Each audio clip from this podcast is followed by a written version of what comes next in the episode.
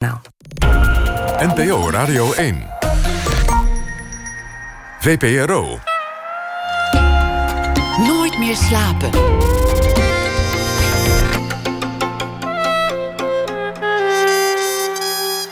Met Clary Polak. Goedenacht en welkom bij Nooit meer slapen. U hoort het, ik vervang deze week een paar keer Pieter van der Wielen.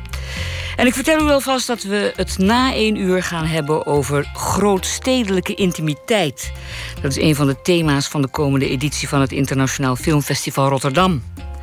En acteur Reinoud Scholten van Aschat komt op bezoek. Hij is te zien in On the Road, een toneelbewerking van het bekende boek van de Amerikaanse schrijver Jack Kerouac. Dat onder meer naar ene. En dit uur zit tegenover mij Helene van Rooyen al heel veel te zien en te horen geweest de afgelopen weken, maar ik zal haar toch nog even naar behoren introduceren. Geboren in 1965 in Amsterdam-West. Bekend als schrijfster van boeken als onder meer De Gelukkige Huisvrouw, De Godin van de Jacht, De Mannentester en De Hartvriendin. En recenter door een serie krachtige en tegelijkertijd rauwe en kwetsbare selfies. Gefotografeerde zelfportretten samengebracht in een tentoonstelling en in het boek Self-Made. Maar ze is hier omdat ze een documentaire maakte over haar dementerende moeder die ze een jaar lang volgde in alledaagse situaties en bezoeken aan artsen, zorginstellingen en klinieken. Een jaar ook waarin ze ook de zorg op zich neemt voor haar moeder als ze ontdekt dat die steeds verwarder wordt en niet langer voor zichzelf kan zorgen, totdat ze haar uiteindelijk moet onderbrengen in een verpleeghuis. De documentaire heet Het doet zozeer. En dat doet het zeker ook voor jou, denk ik. Ja, dat, uh, dat deed, deed, het en doet het nog steeds wel. Hoewel het niet alleen maar uh, pijnlijk is. We hebben ook heel veel hadden en hebben nog steeds heel veel fijne momenten samen. Maar het doet zozeer verwijst ook naar um, ja, een soort man, mantra van mijn moeder. Die erg veel pijn had uh, aan haar heup. En de hele tijd dat eigenlijk mompelde voor zich uit. Dus zei het de hele tijd van doet zozeer, doet zozeer, doet zozeer. En uh, toen ik haar ging filmen ja, heb ik dat zo vaak gehoord en gezien. En sowieso merkte ik dat ze het zo vaak zei... dat ik op een gegeven moment dacht van... nou, dat moet dan maar de titel van de film worden. Ja, en het komt ook inderdaad steeds terug. Je, ja. je, zij blijft dat inderdaad Nog zeggen. steeds, zegt ze Ja. Even, lijk jij op je moeder? Um, ja, ik, nou ja, natuurlijk lijk je op je moeder, want de helft van je genenmateriaal is van haar. Maar ja, ik geloof, maar zo ik geloof ik het wel. Ik geloof het wel. Ja, we zijn, ik zie wel ja, uiterlijk zie je zelf nooit zo goed. Dat zien andere mensen meer. Um, maar wel qua karakter hebben we wel veel overeenkomsten. Ja, we zijn allebei wel vrij eigenwijs, vrij koppig, uh, onafhankelijk. Uh, ja. En ja, in dat opzicht zijn we wel erg uh, ook feministisch allebei.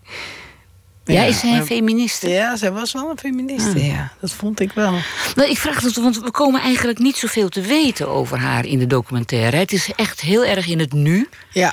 Uh, ja uh, althans, dat, dat jaar dat je er hebt gefilmd. Ja, ja. Um, maar, maar over haar achtergrond komen we eigenlijk vrij weinig te weten. Wat was zij voor vrouw? Ja, ze was een. Um, nou ja. Aanvankelijk was ze. Toen ze mijn vader leerde kennen, werkte ze. En ze heeft als uh, kraam, kraamhulp gewerkt. Ze heeft ook als verpleegster in de psychiatrie gewerkt. Ze heeft ook bij een postkantoor gewerkt. Dat vertelde ze mij. Op een gegeven moment was ze dus ambtenaar. Toen woonde ze in Amsterdam. En toen trouwde ze bij mijn vader. En toen werd ze ontslagen. Want dat ging zo in die tijd. Juist. Dat was nog de jaren 50. En als je dan ambtenaar was en je trad in het huwelijk... dan ging de overheid ervan uit dat je kinderen zou gaan krijgen en toch niet meer eh, op de arbeidsmarkt hoorde. Dus dan werd je ontslagen. En toen ze eenmaal met mijn vader getrouwd was, toen ging ze nog wel, toen wij klein waren, geloof ik, van die Tupperware parties organiseren. was, ze was wel bedrijvig altijd. Zoals, ja, ze zat nooit stil. Maar uh, ja, pas echt werken ging ze weer toen mijn vader overleed. Uh, en toen het gewoon moest. Was ze avontuurlijk? Was het een avontuurlijke vrouw? Dat ben jij namelijk wel. Dus als jij zegt dat je op je moeder. Nee, niet avontuurlijk is. Nou ja. Nee, niet, nee, dat geloof ik niet. Nee, ze was wel. Uh, ze was wel heel nieuwsgierig naar de wereld om zich heen. Ze las ook altijd de krant. Ze las altijd NRC, echt tot voor kort. Tot het dan niet meer ging. Ze abonnement NRC. Ze hadden de VPRO-gids. Het was wel echt zo'n gezin waar veel gelezen werd en waar veel boeken waren. En, en ja, mijn moeder was eigenlijk. Achteraf heb ik pas goed beseft. Zij was echt wel een slimme vrouw. Maar ja, in die tijd kwamen dat soort dingen nooit zo als mensen zichzelf niet echt ontwikkelen of werk gaan zoeken in die richting, dan komt die ontplooiing komt, komt niet zo van de grond. Nee. Maar ze was wel heel slim. Wat zag zij in jouw vader? Weet ja, je dat? dat heb ik haar heel vaak gevraagd. Dat was op een gegeven moment bijna een. ehm, als ik dat vroeg, kwam er weer een van een rot verhaal over mijn vader. Ze ja, was want het was geen goed huwelijk. Nee, het was geen goed huwelijk. En, en ze heeft heel, ja, dat heb ik haar ook wel eens, wat ik haar het meest kwalijk heb genomen, is dat ze altijd een heel zwart beeld van mijn vader heeft geschetst. En ehm, ja, zo zwart-wit was het natuurlijk niet. eh, dat huwelijk en ook niet zijn karakter. Ehm, maar goed, ik denk dat dat haar manier is geweest om te overleven. Om, eh, hè, nou ja, niet iedereen weet het, maar toen ik 13 was, eh, pleegde mijn vader zelfmoord. Het, het, eigenlijk vlak na de scheiding. Hij moest het huid- huis uit, hij wilde dat niet. En hij is, nou ja, op, op de avond dat, het, dat hij echt niet meer bij ons mocht zijn, eh, liep hij de deur uit en verdrok hij zichzelf. Hm. En. eh, Je hebt daarover geschreven, hè? Ja, onder andere dat- in, in, in, ja, in dat je in eerste de Gelukkige De Huisvrouw, ja. Ja. En dat, ja, dat heeft natuurlijk wel mijn moeder heel erg getekend, ons allemaal getekend. En ehm, ja, dat, Maar wat daaraan vooraf ging, hè? Wat had dat voor... Dus een slecht huwelijk. Wat had dat voor... Wat betekende dat voor jouw jeugd? Hoe heb jij, hoe heb jij jouw jeugd beleefd? Ja, het gekke is dat zelf toen mijn vader eenmaal overleden was, had ik, had ik ervoor ik wel een heel groot gevoel van opluchting. Van nou oké, die is weg. De storende factor eh, uit huis is verdwenen. Dus nu kan het feest gaan beginnen. Daar was ik wel vrij, ik was vrij cynisch. Pas later ben ik echt gaan beseffen wat het, wat het heeft betekend. En, en eigenlijk zeggen nou ja, maar zeg ik dat ook in de gelukkige huisvrouw van eh, ik heb een fijne jeugd gehad en alles was oké. Het zijn heel veel dingen die je gewoon van, nou ja, oké, zo was het, oké, we gaan door. Weet je wel, dingen waren niet gezellig, het was niet leuk. Je komt er eigenlijk later pas achter hoe, eh, hoe tragisch iets is als je kan zien dat het ook anders kan. Als je erin zit, weet je niet beter Nee. van zo is het nou eenmaal bij ons thuis. Maar het was niet zo dat je... Dat je ik weet toevallig waar je bent opgegroeid. Namelijk eh, ehm, eh, in de Comeniusstraat. Ja, en ik zal je wat vertellen. Ja. Ik ben ook in de Comeniusstraat opgegroeid. Ah, oh ja. Dus eh, dat is wel heel grappig. Dus Ja. ik weet precies waar, waar, waar jullie hebben gewoond. Ja. En wat je daar bijvoorbeeld heel goed kon doen, dat heette toen tuinsteden. Je kon als kind heel goed buiten spelen Ah, daar. Ja. Ik, ik was echt een straatkind. Ik, ik, ik deed, deed allerlei spelletjes met, met de buurjongens en de Ja, buurmeisjes. En ont, ontvluchtte jij dat huis niet? Ehm, nou, niet zozeer. Of, ja, ik ben, toen ik echt klein was, zeg maar, van buiten spelen... dat was meer op de Johan Huizing gelaan. Maar ja, dat is daar vlakbij. Dat is eigenlijk om de hoek. Ja. Ehm, ja, we waren, speelden wel veel buiten. Maar sowieso was dat een tijd dat je niet... Kijk, we hadden geen auto. We gingen eigenlijk niet of nauwelijks op... Als we op vakantie gingen, dan was het naar, naar camping Bakkum. Eh, dus het, het was allemaal veel kleiner. Je ging niet weg of zo. Wij gingen ook nooit naar het buitenland of dat soort dingen. Dus het, het was... Ja, ik kan me nog heel veel momenten herinneren dat, dat ik gewoon voor het raam stond en naar buiten keek en dacht: ja, ja, ja, weet je wel, daar is het echte leven gaande en ooit gaat het beginnen. Maar nu nog niet. Ik weet het niet. Het was, eh, ja, door, door zo'n gezin, dan komen er ook niet zoveel kinderen over de vloer. En al, of, ik, Nee, er kwamen nee, niet veel kinderen, nee, want het dat- was een kinderrijke buurt. Dus je ja, maar je ging niet. Ja, ik speelde liever bij anderen dan dat ze bij ons kwamen spelen of zo. Dat, is zo herinner ik het me. Ik denk er ook zelf, want het is wel grappig dat je zegt het zit niet zo in de documentaire, maar ik denk er zelf ook niet zo vaak aan terug. Eigenlijk bijna nooit. Ik heb dat al zo lang achter me gelaten. Ik denk, ja, dat, het heeft ook helemaal geen zin meer om er, om er zo aan terug te denken of Oh. te duiden. Of, de- zeker in, toen ik de gelukkige huis zou schrijven, heb ik er natuurlijk ben ik er wel heel erg mee bezig geweest. Precies, daarom verbaast me dit dat wel. Want moest toen, ook wel. toen heb je echt uitgezocht waarom jouw vader de man Ja. was die die was. En Ja. die jij op dat moment ook niet. eh, dat vond jij geen leuke man, jouw eigen vader. Nee, nee. En je hebt dus uitgezocht, eh, eh, je hebt ontdekt allemaal dingen die, Ja. die je niet wist. Ja. Eh, over de knauw die hij de Tweede Wereldoorlog Ja. hem had gegeven... toen hij te werk was gesteld in Duitsland. Eh, hij deserteerde, hij kwam in Dresden terecht. Klopt. Hij heeft daar het bombardement van de geallieerden meegemaakt. Ehm, en de gruwelijke gevolgen daarvan. Wist je moeder dat? Want jij wist het blijkbaar niet. Ik weet, ehm, ik weet, nou, mijn moeder zei volgens nou, moeders en je vader praten daar nooit over. Ik denk dat ze het wel wist, maar dat, dat er niet echt over werd gesproken. Mijn moeder zei van, nou ja, hij praatte daar niet over. Hij wilde daar niet over praten. Hij wilde ook niet met een psychiater praten. Hij wilde nooit met iemand praten. Weet je, mijn moeder was heel erg van, je vader weet je wel, daar was gewoon geen land mee te bezeilen. Die wilde helemaal niks. Daar kwam het altijd een beetje op neer. Dus wat ik heb gehoord over hem is eigenlijk vooral van zijn broer. Uh, die ik toen helemaal inderdaad een soort van ben gaan interviewen over die hele geschiedenis. Maar mijn moeder, ik geloof niet dat hij daar nou heel veel van af wist. Maar je weet dat dus niet. Dat verbaast me. Je hebt dus niet met. Toen je het eenmaal had uitgevonden. en ook had opgeschreven in je boek. heb je toen niet met haar erover gehad? Of ze dat wist? Ja, misschien wel. Maar ik, ik denk niet, niet. Ik denk dat ze toen ook niet veel meer zei dan. Ja, daar praat hij nou helemaal niet over. En ja, dat heeft hij inderdaad meegemaakt. Maar het, het speelde niet. Als ik het niet met mijn oom had gepraat, had ik het ook helemaal niet geweten. Het werd bij ons thuis überhaupt niet over, nee. over gepraat. Nee, ik snap, dat snap ik. Maar ik vroeg me af of zij het wist. Ik weet niet of zij de details echt wist. En ik weet niet. Um, toen de gelukkige huis wel eenmaal verscheen. Ik denk, niet, ik denk dat zij zo vast zat in het beeld wat ze had.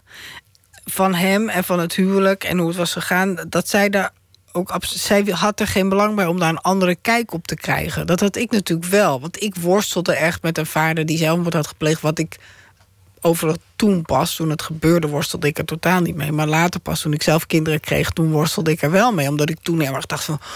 Hoe kan je dat dan doen als er een kind net geboren is? Nou ja, het enige wat je wil is heel lang leven en voor dat kind zorgen. En dat, dat is zo strijdig met uh, suïcide dat ik er niks van snapte. En daarom ben ik het toe gaan uitzoeken. Ja. En ik werd hartstikke gek. Maar goed, nou ja, maar goed die vraag moet zij zich ook gesteld hebben. Ja, maar ik denk niet... Ik denk dat zij altijd liever in het in het zwart-wit verhaal.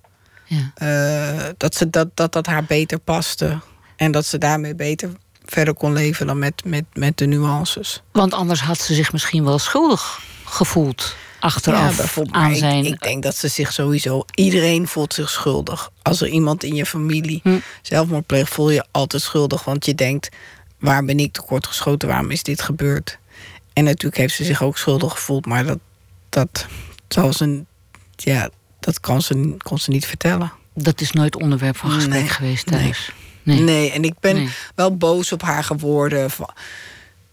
Ik heb me natuurlijk wel dingen verweten van hoe, hoe ze Hè, hoe ze hem altijd zo zwart neerzet. En dat het toch niet zo kon zijn. En dat het allemaal anders lag. En dat, maar ja, dat was in een periode dat ik zelf net wij spreken uit een psychiatrische inrichting kwam en heel hyper was en raar. En dan, ja, dan een psychose. ik heb een psychose gehad na de geboorte van mijn dochter. En later, toen ik de gelukkig huis ging schrijven, kreeg ik er weer een. Dus dat was allemaal niet. Weet je, dan word je sowieso niet zo serieus genomen met al je tirades. Wat wat ook begrijpelijk is. Dus ik, ik kan me niet echt. Uh, en mijn moeder was toen eerder bang dat ik eigenlijk hetzelfde was als mijn vader, zeg maar. Van oh god, daar hebben we er weer een. Die was bang dat jij zelfmoord zou plegen? Nou, dat, ja, nou niet zozeer, maar gewoon dat ik beter opgesloten kon worden. als, beter voor iedereen. Misschien was het ook wel zo. Maar nee, zij was toen. Dat.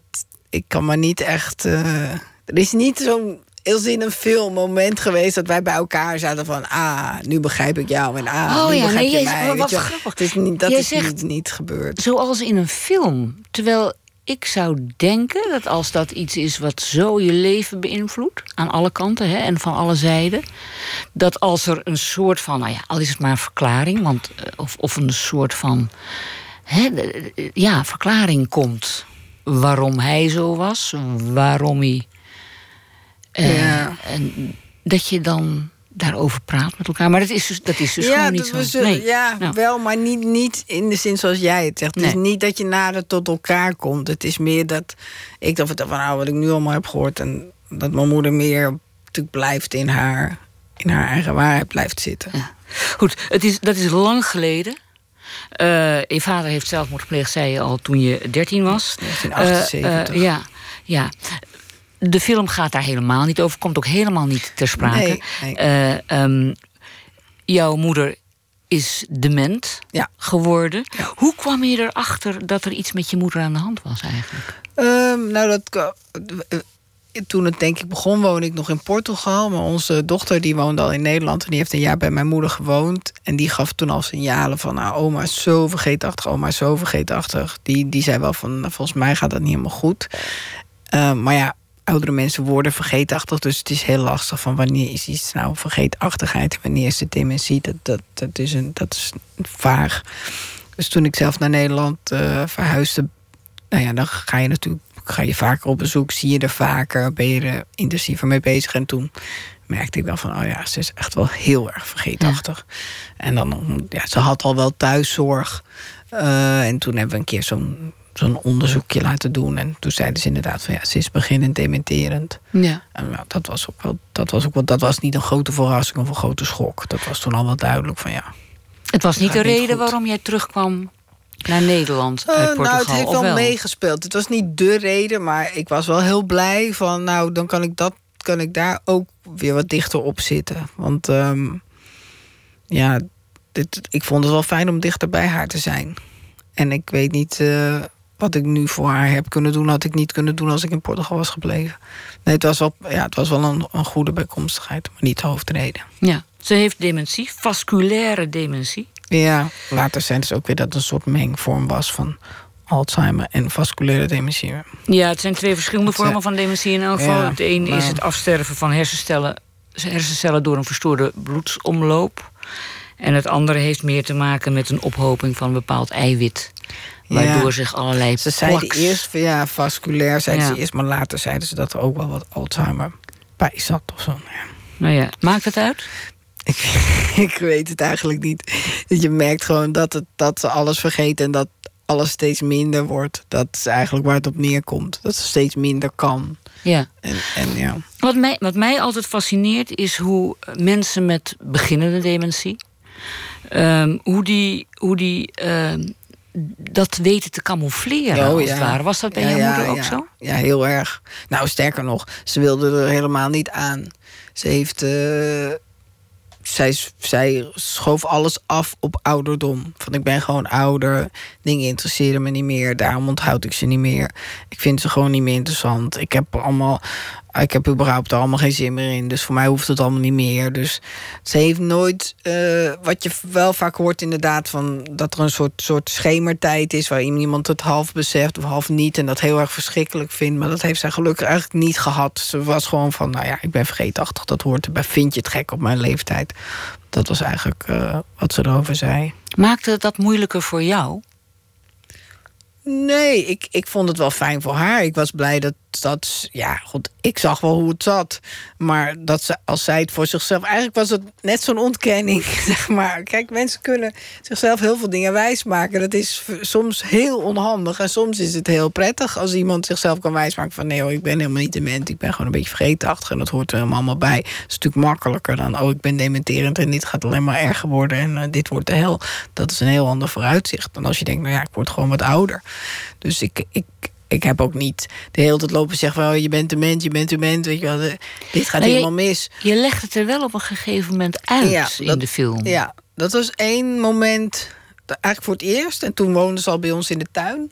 Dat was voor het eerst dat ze echt iets... Dan hadden we een gesprek dat ze ineens zei van... ja, ik weet het allemaal niet meer. Ik denk van die rare dingen. En ik weet niet meer goed hoe we ons nou tot elkaar moeten verhouden. En soms denk ik aan mijn vader en soms denk ik aan mijn moeder. Maar dan denk ik, nee, die leven niet meer. Toen, dat was echt zo'n klassiek, klassieke symptomen van dementie kwamen toen allemaal voorbij. Ja, ze zegt ook op een gegeven moment van... ik zit hier en jij zit daar. En dat weet ik ook, maar ik weet niet hoe het met ons verder moet. Ja, dat was heel schattig. Ja, ja ze, ze maar ja, dat is duidelijk dat die oriëntatie dan dus helemaal weg is. Van, van ik, ik weet niet. Maar daarom, daarom speelt die documentaire zich ook heel erg zeg maar, af in het nu. Omdat dat ook alles is wat er is. Dat is eigenlijk alles wat er, wat er overblijft als iemand geen geheugen meer heeft. Zeker niet een korte termijn geheugen, dan is er alleen maar het nu. Want je weet niet eens meer wat je een half uur geleden hebt gedaan. En je weet ook niet wat je over een half uur gaat doen. Dus dan is er alleen dat nu. En, het, en ja, mijn hele doelstelling was om dat nu zo aangenaam mogelijk te maken voor haar. Ja. Maar hoe heb je haar dan kunnen uitleggen? Zij, zij wilde niet weten dat ze dement was. Ze wil niet weten, maar ze, ze weet het nu ook echt niet meer natuurlijk. Maar ze wilde het ook niet weten. Op een gegeven moment moest jij haar uitleggen dat zij uit haar huis moest. Waar ze dus tientallen jaren had gewoond. En bij jou achter in de tuin, in een speciaal daarvoor neergezet huis, uh, moest gaan wonen. Dat ze moest verhuizen. Dat ze er spulletjes uh, achter moest laten. Niet allemaal, want je, een aantal heb je meegenomen. Maar als je er niet uit kunt leggen dat dat is omdat ze dement is en niet meer voor zichzelf kan zorgen, hoe heb je het er dan uitgelegd? Nou, um, we hebben het er ontzettend vaak over gehad van... mam, hoe moet het nou verder? Want, want behalve dat ze dementerend was, had ze ook ontzettende pijn aan haar heup. Haar ene heup was totaal versleten. Dus elke beweging die ze maakte als ze stond of even naar het toilet ging of wat dan ook, dan, dan gilde ze het echt uit van de pijn. dat... Wat ik eerlijk gezegd nog erger vond dan de dementie. Want dat was echt zichtbaar lijden. Ja, en dan zie je er ook die mantra steeds herhalen... waar we het aan het begin over hadden. Het doet zozeer poeder, poeder, Ja, dat zei ze de hele tijd. En, en um, ja, daar kon ik natuurlijk wel makkelijk over zeggen... van mam, dit gaat gewoon niet meer, wat moeten we nou gaan doen? En ik heb ook, goed, dat zit niet in de film... maar ik heb naar aanleunwoning gezocht. Ik heb naar andere huizen gezocht. En, maar goed, ze zei eigenlijk overal nee op. Nee, ze wilde geen hulp. Nee, ze wilde geen hulp, ze wilde het niet. En uh, het was Ton trouwens. Ik dacht dat ik het ergens op internet gezien had. Maar Ton, is je Ton, ex. Mijn, mijn ex-man. Die zei, je kan ook een huisje in de tuin laten zetten. En toen ben ik dat inderdaad gaan googlen. En toen heb ik dat aan de voorgesteld van mam. Want ik vroeg ook, zou je bij ons willen wonen? Nee, ik wil jullie niet tot last zijn. Ik zei, maar als je nou een huisje in de tuin bij ons kom je dan wonen? Nou, dat, dat vond ze wel een goed idee. Elke keer als ik haar dat vroeg, vond ze dat een goed. Ze vergat het natuurlijk weer, maar elke keer als ik het weer vroeg... zei ze wel weer, oké, dat is goed. Maar op de dag van de verhuizing was ze het ook weer vergeten natuurlijk. Ja. Dus, en dat, is, dat maakt het wel... maakt het communiceren natuurlijk ontzettend moeilijk. Ja. Ehm, maar er was wel altijd een soort um, consequent gedrag. Als je vroeg, wil je naar een aanleunwoning, was het altijd nee. En als je zei, wil je naar een huisje bij mij in de tuin... Nou ja, oké, dat, dat was wel elke dag hetzelfde. Ja, maar waarschijnlijk kon ze ook niet meer echt het verschil tussen die twee dingen aanleunwoning. Ja, ja, dat, ja? dat wist dat ze wel. Dat ja, wist ja, ze nog. Niet, ja, nee, oh, ze snapte wel het verschil tussen een aanleunwoning en een huisje. Ja, nee, dat snapte ze wel. Oké. Ja, ja. Wanneer... Dus daar ga ik vanuit. Ja. nu je erover nadenkt, nee. Nou ja, nee, dat ze wist wel wat een aanleunwoning was. Ze wilde dat gewoon niet. Ze wilde niet in een soort zorgcentrum. Daar wilde ze gewoon niet naartoe. Wanneer besloot je eigenlijk om het vast te leggen, om het te filmen? Dat moet een moment zijn geweest dat je dacht. Ja, uh, ja nou, ik was al een beetje eigenlijk met mijn iPhone begonnen. Um, omdat als ik met haar praatte, soms was het ook echt grappig. Weet je, dan vond ik grappig hoe ze dingen zei. En als ik, als ik er gewoon, als ik gesprekken met haar had, ik maakte ook altijd sowieso foto's van haar. En soms ging ik ook stukjes filmen. En dan ging ik er dingen vragen. En dan ging ze antwoord geven. sowieso om het vast te leggen eigenlijk. Um, en op een gegeven moment dacht ik, ja, en ze was zo karakteristiek ook in hoe ze praatte en wat ze zei. Dat ik dacht, ja, misschien, misschien moet, ik, moet ik dit gewoon echt serieus gaan filmen. En gaan vastleggen en, en er iets van maken. Maar waarom? Nou, ja. Nou ja, het, het is. Um, als, als je heel erg. Uh, als iets je heel erg bezighoudt, dan. In mijn geval wil ik er dan altijd iets mee. En wat dat is, is, ja, het kan dit zijn, maar het kan ook iets heel anders zijn. Als ik ergens heel erg, ja, op een gegeven moment ergens obsessief mee bezig ben. En als iets de hele tijd in mijn hoofd zit, dan moet ik er iets mee op een of andere manier. En um, voor mij was het fijn dat ik dacht, nou, ik, ik, ga, weet je, ik ga er gewoon een film over maken. En, en, en, Vond je het geen inbreuk op haar privacy? Nou, ik heb het natuurlijk wel uitgebreid met haar erover gehad. En uh, gezegd van, ik wil je gaan filmen, mam. En ik wil... Uh, ik, ik, had op een gegeven moment had ik ook een, uh, een productie, tv-productiebedrijf gevonden, TV-BV. Daar had ik het plan ook voorgelegd. Die vonden het een goed idee. Dus die zijn echt de, de producent geworden samen met mij. En dus het werd echt serieus. En we kregen een cameracursus, kregen een eindredacteur. Mireille Fransen. Dus het werd echt een, een ding. Dus toen ben ik natuurlijk ook mijn moeder gepraat. van mam, ik wil dit echt serieus gaan doen. Vind je dat goed? Nou ja, dat vond ze wel goed. En ook elke dag als ik het volg. Want ook dat moest ik natuurlijk steeds Ja, want dat vergat ze het goed. Ja. Want, ik, ik zal nooit dat, dat eerste beeld... Het eerste beeld van de film begint ja. uh, met een beeld van haar zittend op haar bank Uh, terwijl ze steeds inderdaad die mantra herhaalt. Poeder, poester, ja. doet zozeer. En dat de hele tijd. En zij weet niet dat je haar filmt. Ze is zich niet bewust van jouw aanwezigheid. Laat staan ik van de camera. Ik was toen ook niet aanwezig. Maar ook niet van de camera. Nee, nou dat is wel het moment. En dat is ook wel een heel belangrijk moment geweest. Omdat um, dit, deze, het eerste beeld is niet de eerste moment dat ik haar gefilmd heb, uiteraard. Zo, zo simpel is het niet. Um, maar op een gegeven moment had ik dus een camera en die was best groot. En die stond in de huiskamer. En uh, ze had het ook heel goed door als het rode lampje brandde. Dat wist ze echt allemaal van. Oh, en ze zei ook heel vaak, zet hem nou uit, nu heb ik het zat. Weet je wel, nu ben ik klaar, zet hem uit, oké. Soms zei ik niet oké, okay, zei we gaan nog even door. Nou, maar dat, ze wist dat gewoon als hij ging knipperen, als de kaart bijna vol was, zei ze het ook altijd. Het is niet goed, alleen hij knippert nu, zei ze. Maar op dat moment had ik hem neergezet, omdat ik een rollator voor haar had gekocht. En ik wilde die halen van beneden, want die stond nog in mijn auto. Die wilde ze ook al niet. Die wilde ze ook niet, nee. Maar hij stond dus al aan, want ik wilde dat moment dat ik haar die rollator gaf, of liet zien, wilde ik filmen. Dus ik had hem aangezet, maar eigenlijk niet eens met het doel om dat te gebruiken. Omdat ze gewoon stil op de bank zat. Ja, maar ik dacht in ieder geval, dan loopt hij als ik binnenkom met die, met die rollator. En toen later pas zag ik, toen ik die beelden terugzag, zag ik dat ze inderdaad, zodra ik weg was, alleen maar zat te zeggen: doet zozeer, doet zozeer, doet zozeer, boede boede boes, dat doet zozeer. En het brak mijn hart, want ik dacht, oh, toen besefte ik pas, als ik er dus niet ben, zit ze de hele dag dit te mompelen op de bank in er eentje. Dat, ik vond het verschrikkelijk. En je ziet ook zodra ik, wat hoor je mij op een gegeven moment zeggen, joehoe, weet je wel, ik ben er. En dan schiet ze eruit. En dan doet ze dat niet meer. Nee. En dat, um, ja, dus op dat moment had ze dat inderdaad niet door. Maar alle andere momenten natuurlijk wel. Ja. Wat precies wil je laten zien met deze film? Um, nou, ik denk wat ik vooral wil laten zien is, is hoe dat. Ja, een aantal dingen. A, hoe belangrijk mensen voor. Ja, hoe belangrijk het is om voor mensen te zorgen en om mensen in de gaten te houden. Hoe als ze ouder worden, zeker. Want er is denk ik heel. Ze zijn inderdaad, wat je aan het begin van het gesprek al zijn, heel erg goed in camoufleren. Dus mensen kunnen heel lang doen alsof het goed gaat, terwijl het helemaal niet goed gaat. En dat, dat kan best heel gevaarlijk zijn. Um, en ik wilde ook laten zien hoe. Ja, de, de, de moeilijk, de, op een gegeven moment neem je dus de regie over. Op een gegeven moment zeg je: Oké, nu ga ik voor jou zorgen. Nu, nu, nu ga ik gewoon niet meer naar je luisteren. Ik ga nu voor jou zorgen en we gaan het nu zo doen. Dat was eigenlijk het allermoeilijkste moment. Om dat te beslissen: van oké, nee, nu, mama, ik luister niet meer naar je. Jij moet nu naar mij luisteren. Dit gaat niet meer. En um, ik denk dat heel veel kinderen op een gegeven moment zo tegenover hun ouders zullen staan. En, denken van, en, en dan was mijn moeder nog alleen. Kijk, als je vader en moeder samen zijn en één dementeert, dan kunnen ze elkaar nog een beetje opvangen. Totdat ook natuurlijk ook, ja, ja tot het ook niet meer gaat. Maar... maar het gaat dus ook heel erg over jou. Over jou als, jouw rol als mantelzorger. Mm, ja, maar ik denk dat iedereen wel een keer gaat mantelzorgen in zijn leven. Dus dat je wel.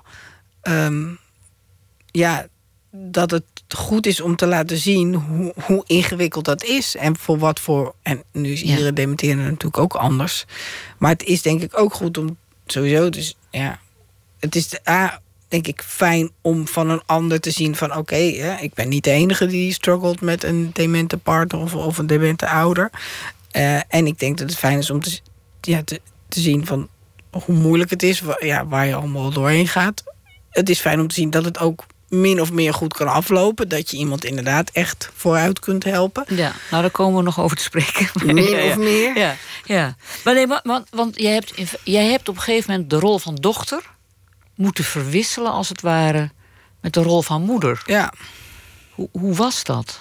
Wat voor druk bracht dat met zich mee? Nou, heel veel. Heel veel. Ik, dat, is, dat was echt het allermoeilijkste. En daarom hield het me ook zo. Daar lag ik echt, als je nou hebt over nooit meer slapen. Ik lag daar echt letterlijk wakker van. Ja, moet een enorme impact op je leven hebben gehad.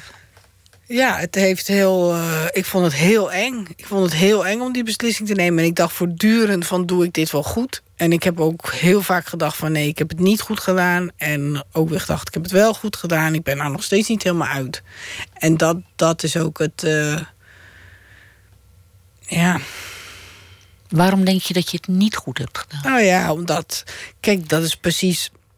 Als iemand al 40 jaar in een huis woont en je haalt hem daar weg dan doorbreek je een soort evenwicht, wat een heel wankel evenwicht wat er was. Maar je, je, je maakt het er aan de ene kant echt niet beter op. Omdat die paar dingen die nog net wel goed gingen, die houden dan wel op. En dat vond ik, vond ik ontzettend moeilijk om te zien. Dat had ik ook niet verwacht. Dat het zo'n schok teweeg zou brengen. Inderdaad, nou ja, het klassieke oude bomen moet je niet verplanten. Dat zie je dan letterlijk voor je ogen gebeuren. Maar je ziet ook dat die boom als hij nog daar staat waar hij stond, ook dreigt om te vallen. Ja, en ze verzorgde zichzelf niet meer. ze nee. at slecht. Ja. Uh, uh, ze waste zich niet nee, meer. Het was het, natuurlijk het was ook. ze had waanzinnige pijn. Ja. Het kon ook niet anders, maar toch is het heel moeilijk om dat dan om dat echt te doen. Om degene te zijn die het uitvoert, zeg maar. Van nou, nu, nu is het gewoon klaar. Zeker als het om een vrouw gaat die altijd zo de nadruk heeft gelegd op onafhankelijkheid. Dat, soort dingen. Ja, ja, ja, Zullen we even bijkomen?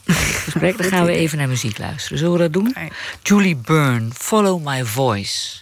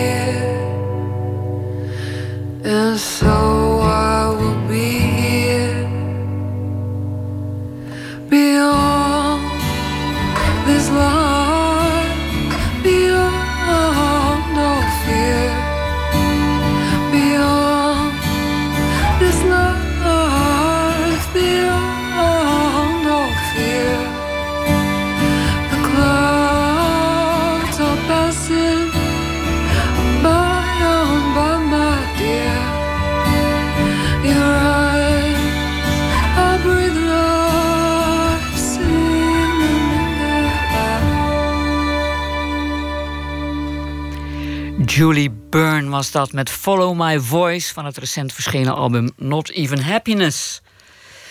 Tegenover mij zit Helene van Rooyen. Zij heeft een documentaire gemaakt over haar dementerende moeder, getiteld Het doet zo zeer. Um, je moeder herhaalt daarin met, toch met enige regelmaat dat ze dood wil. Ja. Ik ben het leven zat, omdat ik niet meer kan doen wat ik wil, dat soort dingen. Jij wil daar niet van horen. Nee, nee nou dat heeft een, een aantal redenen. A, zegt ze dat eigenlijk al zolang ik leef, wij van spreken. Mijn moeder heeft heel vaak gezegd, ook een beetje tot vervelens toe. Oh, ik wil niet oud worden. Oh, geef mij maar die triompil. Oh, uh, waarom ligt hij nog niet op mijn nachtkastje? Maar nu heeft ze reden. Ja, en toch um, geloof ik niet dat ze echt dood wilde. Want we hebben ook zo vaak erover gehad en gezegd... nou oké, okay, mama, als die triompil... goed, ik ga hem nu halen bij de apotheek... en stel dat je hem dan krijgt en neem je hem dan in. En dan zei ze altijd, ja, nou ja, dan zou ik hem morgen innemen. Weet je, dus dan ineens... als je dat echt zei van, nou, meen je dat nou? Maar de situatie is veranderd, hè, inmiddels. Ja, nou, maar nu, ja... Nou, het, het, het, het, het uh, het fijne was wel dat toen zij, en dat zit ook wel in de film, toen ze geopereerd is aan de heup en de pijn echt minder werd. En ze op een toch een veilige plek kwam waar ze beter ging eten en, en waar wat meer activiteiten waren en meer mensen om heen. Dat ze zich toen echt wel beter ging voelen. En niet meer zei: Ik wil dood. Eigenlijk voor het eerst in, in heel veel jaren. En toen we het ook op een gegeven moment kregen over um, een euthanasieverklaring.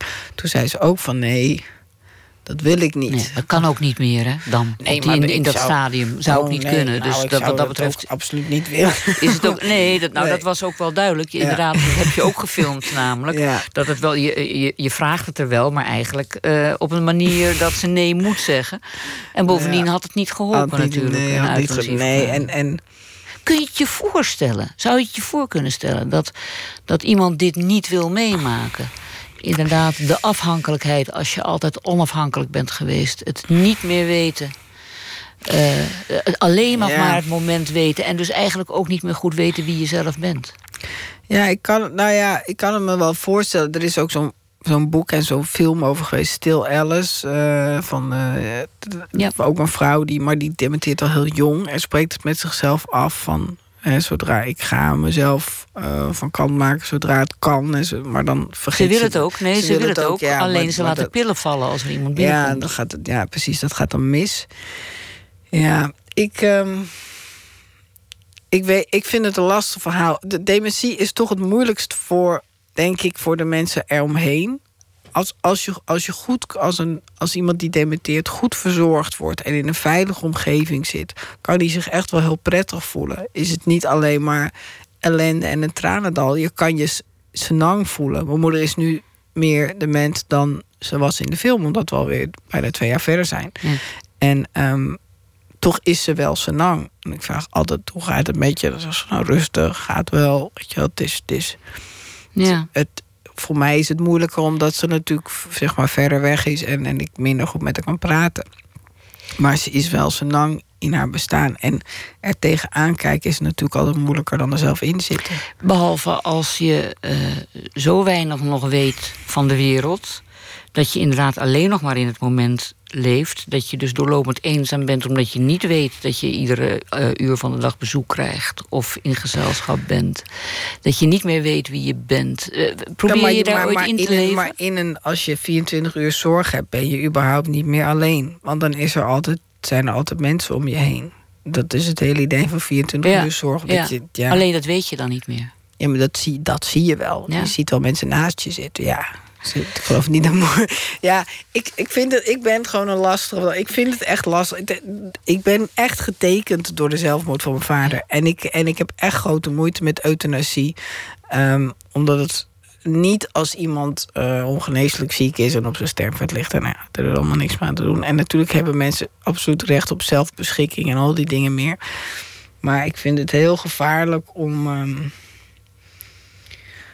ja, om snel te zeggen van, nou ja, weet je wel, dit wordt niet beter. Uh, ja, laten we er maar mee stoppen. nee, nee, ik zeg niet snel. Nee, ik, nee. Uh, nee. ik, ben, ik ben er geen goede. Ja, ik kan er gewoon niet zo goed tegen. Ik wil mensen altijd zo lang mogelijk laten leven.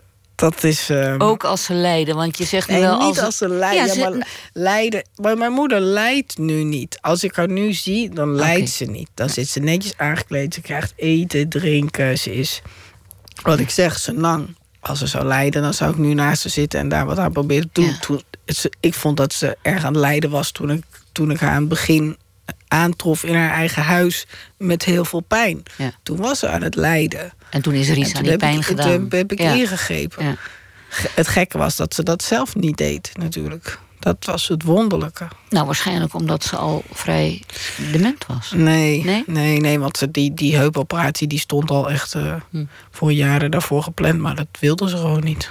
Even voor de, eh, voor, voor de mensen die de film dus nog niet gezien hebben. Dat kan ook niet, want hij gaat, hij gaat namelijk, hij gaat Nee, namelijk nog alleen première. Alleen wij mogen hem zien. ja. Ja. Maar eh, je kunt uiteindelijk niet meer voor haar blijven zorgen. Mede Nee. omdat zij geopereerd wordt aan die heup, maar Ja. uit het bed valt. En dan echt helemaal moet revalideren en zo. En dan gaat ze ook behoorlijk achteruit Ja. op een gegeven moment. Eh, ze wordt opgenomen in een particulier verpleeghuis. Ja. Waarom particulier trouwens? Nou, mijn moeder had heel veel geld gespaard. Oké, Dus ja, want het is nogal duur. Ja, want ik hoor wel eens, ja, voor jou is het allemaal makkelijk. En eh, jij betaalt dat natuurlijk. Maar we hebben allemaal niet zoveel geld. Nou, mijn moeder had toevallig geld. Ja. Dat huisje in de tuin heeft ze ook gewoon zelf betaald. Ze heeft, altijd, eh, ze heeft een paar keer geërfd, geloof ik, van een tante of weet ik veel wat. En nooit dat geld uitgegeven. Dus ze heeft gewoon goed gespaard voor de oude dag. Dat is overigens, als jij vraagt waarom heb je de film gemaakt... Absoluut een boodschap eh, die iedereen eruit mag halen. Sparen voor je oude dag. Spaar voor je oude dag. Als je goede zorg wilt, echt goede zorg, Ja. dan moet je echt goed sparen. Ben je tevreden over de zorg daar? Ja, ik, ik, er zijn absoluut heel veel hele goede verzorgingshuizen. Ik ben natuurlijk een aantal af geweest. Ja. Alleen degene die ik echt heel fijn vond, die was ver weg. Dat was ook gewoon niet particulier. Maar In die, Weesp maar die was misschien? ver. Ja, je had wel mooi, maar dan Ja. was het net. En deze zit echt zo vlak bij mij. Ik kan nu zo vaak naar, er nog heen dat ik dit eh, echt fijner Ja. vond. Nee, maar ik vraag het omdat de inspectie voor de gezondheidszorg eh, ehm, het huis een aanwijzing heeft gegeven. Ja, klopt. Ja, ja dat is een Eh, in september. Ja, dat is toch- ja, klopt. Dus daarom Ja. vraag ik, ben je tevreden? Nee, ja, Want ik ben heel tevreden. nee, ik, ja, ik weet het, ja.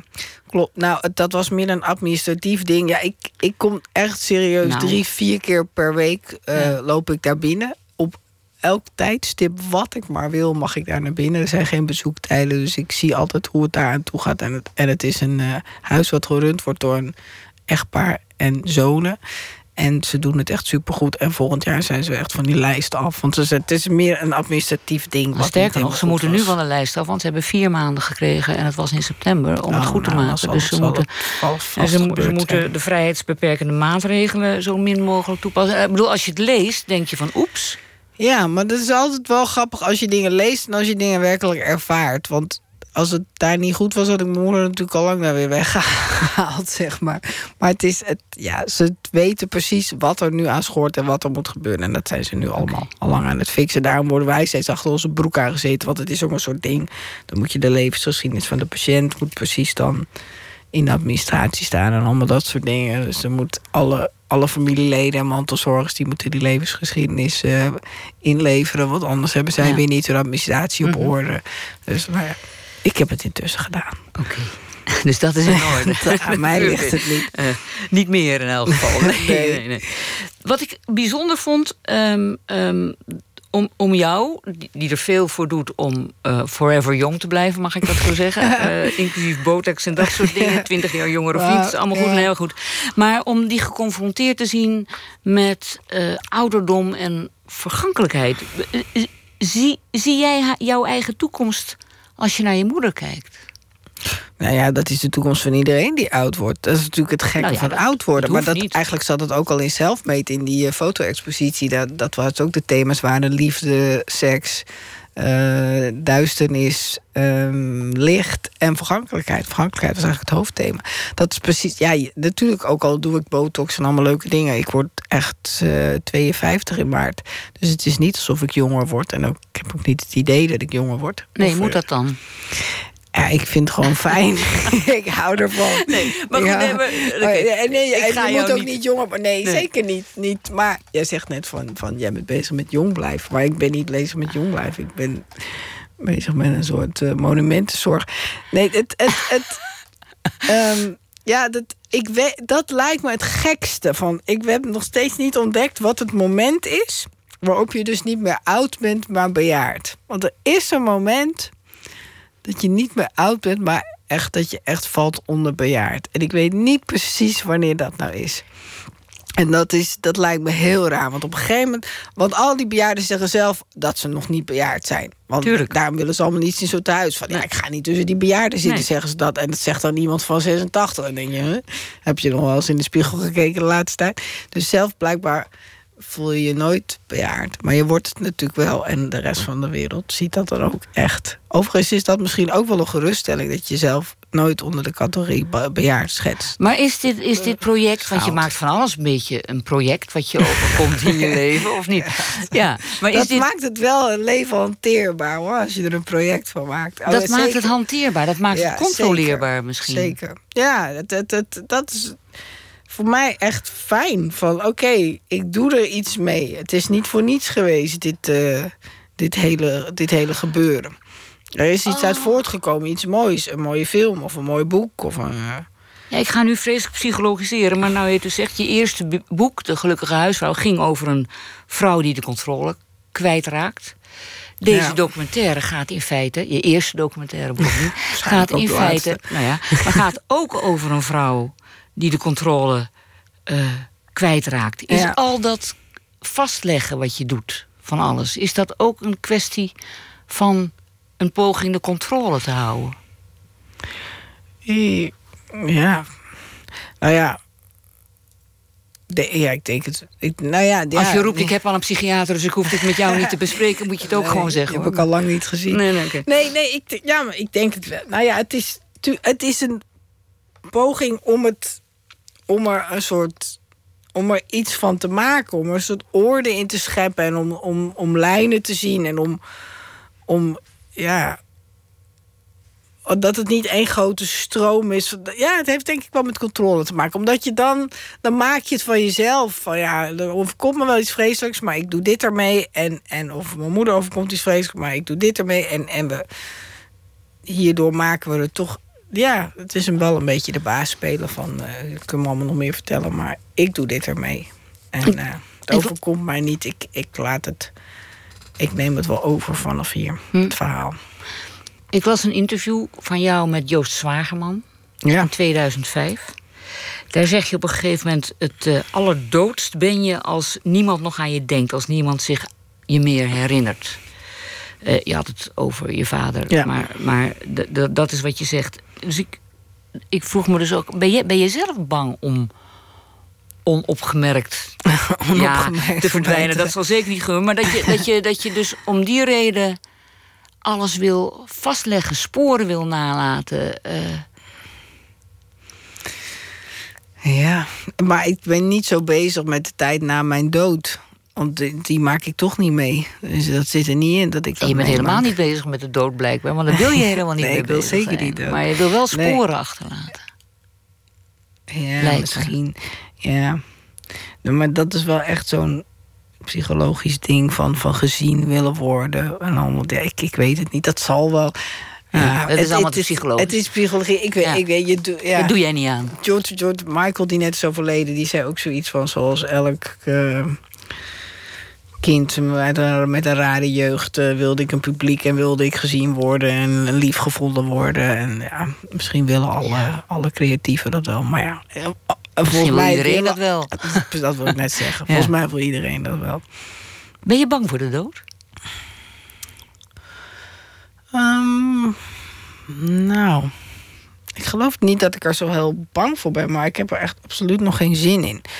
Dus het is, ik ben, het is, um, ik vind de dood wel een van de meest vervelende aspecten van het leven. Ja. Eh, omdat je weet dat iedereen doodgaat. En, uh, dat, en het is zoiets onherroepelijks. Ik vind de dood vooral ontzettend irritant. En naar. Maar ja, het is wat het is. Ja, zeg je altijd. Het is, dat is jouw mantra. het leven bestaat bij de gratie van de dood. Als we allemaal blijven leven, zou het ook wel een best een toestand zijn. Ja. Maar, is ook een beetje, dat is een beetje een open deur, deur natuurlijk. Maar ben jij bang voor de dood? Ben jij, ben jij bang voor de dood of het verval dat er misschien aan vooraf gaat? Of denk je daar nou, nooit eigenlijk over niet zo. Nee, ik ben echt onverbeterlijk optimisme. Ik, optimistisch. En ik heb een, eh, wel een groot vertrouwen eh, in mijn eigen aanpassingsvermogen. Dus ik, daar, ik ben ook niet zo bang voor het verval. Ik, ik besef wel terdege dat nu ik nog niet zo onderhevig ben aan verval... dat ik daar vooral van moet genieten en dat eh, moet koesteren... en daar veel plezier aan moet beleven. Want ik weet dat het wel gaat komen. Eh, maar ja, dat, dat zien we dan wel weer. Mensen hebben echt een enorm eh, aanpassingsvermogen. Hm. Zijn toch, hoe vaak zeggen mensen, oh, als dat me zou overkomen, dan sprong ik van de brug, als dat me zou overkomen, dan werd ik gek. Maar mensen overkomen de meest vreselijke dingen en ze gaan toch gewoon door. Ja. Dat vind ik ook wel het het charmante van de levensdrift die we allemaal hebben. Je hebt ook geen euthanasieverklaring. Nee, zeker niet. En die had mijn moeder ook niet. Dus Nee. al die jaren dat ze dood wilde... laten we even wel wezen... wat ze echt heel vaak heeft gezegd tegen ons allemaal... ze heeft nooit op papier gezet een euthanasieverklaring. Dat is dan toch een beetje gek voor een eh, intelligente vrouw... Zeker. die beschikte over pen en papier en eh, vermogen tot lezen en schrijven. Heeft je moeder de film gezien? Eh, nee, dat is, ze heeft, ik heb laatst op mijn laptop wat stukjes laten zien.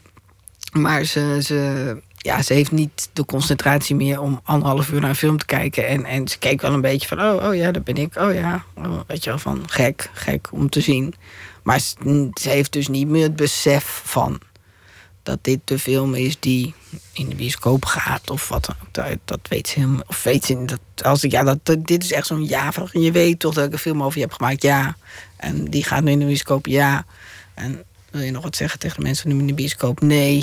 Ja, Van, nee, ze, is- dat, dat besef is er niet meer. En, en vindt het ook niet zo interessant. Maar dat vond ze sowieso al niet. Toen ze nog goed was. Precies. Ook niet zin. Ja. Hij gaat eh, in première eh, straks op het Internationaal eh, Filmfestival. Wanneer, Ja, in wanneer is dat? Dat is aanstaande zaterdag. Aanstaande zaterdag. Verheug je je daarop? Of is dat een rare nou, vraag in ik- dit ik, verband? Nou, verheug, ik, ik verheug me er wel vooral op dat het publiek hem nu gaat zien. En dat hij. eh, eh, want hij, hij draait bij het filmfestival wel vier keer. En daarna gaat hij echt het land in. eh, hij gaat echt de bioscoop in naar, naar de filmtheaters. Hij gaat ook. want er is ook een dependance van het IFFR. Is er in Groningen. Daar gaat hij ook in première. Hij gaat naar Vlissingen, naar Nijmegen, Maastricht. Nou, noem maar op. Hij gaat echt het land door. En ik verheug me wel op de verheugen. Ik ben heel benieuwd naar de reacties van het publiek. Van of hè, op, op, op Facebook, de trailer is op Facebook heel vaak gedeeld en al heel vaak gezien. En dan zijn er heel veel lieve reacties van mensen die, die het mooi vinden en er blij mee zijn. En de zin hebben om te zien en, en het herkenbaar vinden. Dat is natuurlijk ontzettend fijn. Ja. Daar, dat, ja. Dat is een trailer. Ben je niet bang voor kritiek? Oh, dat komt ongetwijfeld kritiek. Maar je bent nooit zo bang voor kritiek, hè? Nee, het, is, het zou heel gek zijn als ik iets maakte wat geen enkele kritiek zou, eh zou eh, teweegbrengen. Zeker in jouw geval. Ja, dit, Ja. ik denk dat dit, het, wat ik nu op, eh, op social media en zo zie, is, is het verrassend positief op de trailer alleen. Dus, Ja. dus, ehm, Ja. Het, het, grappige is, ik, ik- las, ik, of ik las, ik zag bij jou, jouw eh, vijfjaarlijkse bijeenkomst met Jeroen Pauw. ja. En eh, toen hadden jullie het over het positieve imago dat jij door deze film zou krijgen. Ja, ja. En dat je daar tegenop zag. ja. Wat krijgen we nou, Nou Helene? ja, dat Stel je voor, mensen gaan je opeens leuk Gewoon vinden. leuk vinden. Ja, dat ben ik niet gewend. Ik ben gewoon gewend dat mensen dat ik omstreden ben. En, en, en dat is echt raar. Want als je heel. Ik, vind, ik word er ongemakkelijk van als mensen allemaal zeggen: Oh, doe je dat goed? voor-" Ook dat vind ik echt oprecht vervelend. Dat heel veel mensen zeggen: Oh, je bent zo goed voor je moeder. Oh, je bent zo lief voor je moeder. Oh, wat heb ik respect voor je. denk ik: Hou op. Ja, maar dat gaan ze zeggen. Want Ja, je bent dat- ook heel geduldig en je bent zeker heel lief. ben ik en- geduldig, maar dat, ik vind dat echt niet meer dan normaal. Ik zou, ik, en, en bijvoorbeeld met je eigen kind ben je ook, word je ook lief voor. Natuurlijk kan je die ook wel zacht behang plakken, maar doorgaans ben je gewoon lief voor mensen die zorg nodig hebben. Dat is echt niet, ik vind dat echt niet iets bijzonders. Ik, vind, ik ben blij dat ik dat ook in me heb, die eigenschap. Ik ben blij dat de natuur me dat heeft meegegeven. Dat is iets moederlijks. Maar ehm, het is niet iets wat Weet je wel, het is gewoon normaal. Ik zou me veel rotter voelen als je me vast zou binden om de bank en zou zeggen: Je mag niet voor je moeder zorgen. Dan word ik pas echt kwaad. Want dat kan niet. Dus het is niet, het is niet een, een iets waar ik nou heel erg. ehm, trots op ben. Zo op de film wel. Ik ben trots dat ik die heb gemaakt. Want dat is iets wat ik heb gemaakt. Maar dat ik gewoon lief ben voor mijn moeder. Ja, daar ben ik niet echt trots op vind ik echt normaal. Maar oké, je, zei, je zei ook in datzelfde interview... Um, dat als ik dan een positieve imago krijg... dan wordt dat tenminste het jaar erop meteen weer ja. de nek omgedragen... want dan verschijnt mijn seksdagboek. Ja, en dan gaat iedereen me weer haten. Ja. Hoera, ja. Nee, ik heb nog niet gezegd dat het gaat verschijnen. Ik ben er wel mee bezig. Nou, het ligt nu een beetje stil. A, is er wat minder seks. We hebben het allebei druk. En B... Uh, Oh jee, uh, dat, dat, hoort er dan ook bij in je seksdagboek. Of doen we daar niet aan? Nee, je moet het in moet eerlijk, eerlijk seksboek. Ja, maar ik denk dat ik gewoon even pauze in. Dus ik kan het nu ook niet, niet echt goed bijhouden. Gewoon. Ah. Dus ik las dan wel even pauze en dan gaan we daarna weer verder. Maar ik weet nog niet zeker. Het, het, het, is iets ook, het is een experiment. Ik wil het echt allemaal bijhouden, omdat ik echt nieuwsgierig ben naar hoe dat dan als je gewoon iemands seksleven is gedocumenteerd ziet. Want dat zie je eigenlijk niet. En wees maar blij dat ik dat niet film. Ik schrijf het netjes op. Ik ben daar heel blij om. Maar daar hoort dan ook bij als je het nu zo druk hebt en minder seks hebt natuurlijk. Ja, dat zal ik. Als we het niet hebben, schrijf ik dat ook op. Maar het is niet dat we het niet hebben. Maar ik heb nu gewoon niet zo het geduld om het op te schrijven als we het wel hebben, zeg maar. Daar komt het een beetje op neer. Dus ik zal, maar ik zal het echt netjes en eerlijk documenteren. Want anders heeft het geen zin. Nee. Maar misschien dat ik een andere periode weer oppak. Van dat ik een anderhalf jaar er nog bij. Want ik kan nu. Ehm, en ik weet nog niet precies wat ik verder met dat boek ga doen. Want het wordt niet alleen een seksdagboek, want dat is echt te saai. Dus er moet echt wel meer bij komen kijken. Maar dat moet ik nog verzinnen. Oké, ik wil je bedanken voor dit gesprek. Graag gedaan. We hebben er een uur, je, je, zag er tegenop dat het een uur zou duren. Maar dat viel in mijn geval in elk geval reuze mee. is het de, om? Ja, het is al om. De documentaire Doet Zozeer is komende week te zien... op het Internationaal Filmfestival Rotterdam, zaterdag dus. En vanaf 23 februari in de bioscoop. Ja. Dankjewel. Alsjeblieft. En straks na het nieuws, dan gaan we nog een uur door. Dus blijf bij ons, moet je dan geloof ik zeggen. Dan spreken we onder meer met de makers van de korte film Das... waarin een buurman van een stille dood wordt gered. Weer de dood. En we horen wat Don Duins bij het nieuws van de afgelopen dag heeft geschreven. Na het nieuws van 1 uur.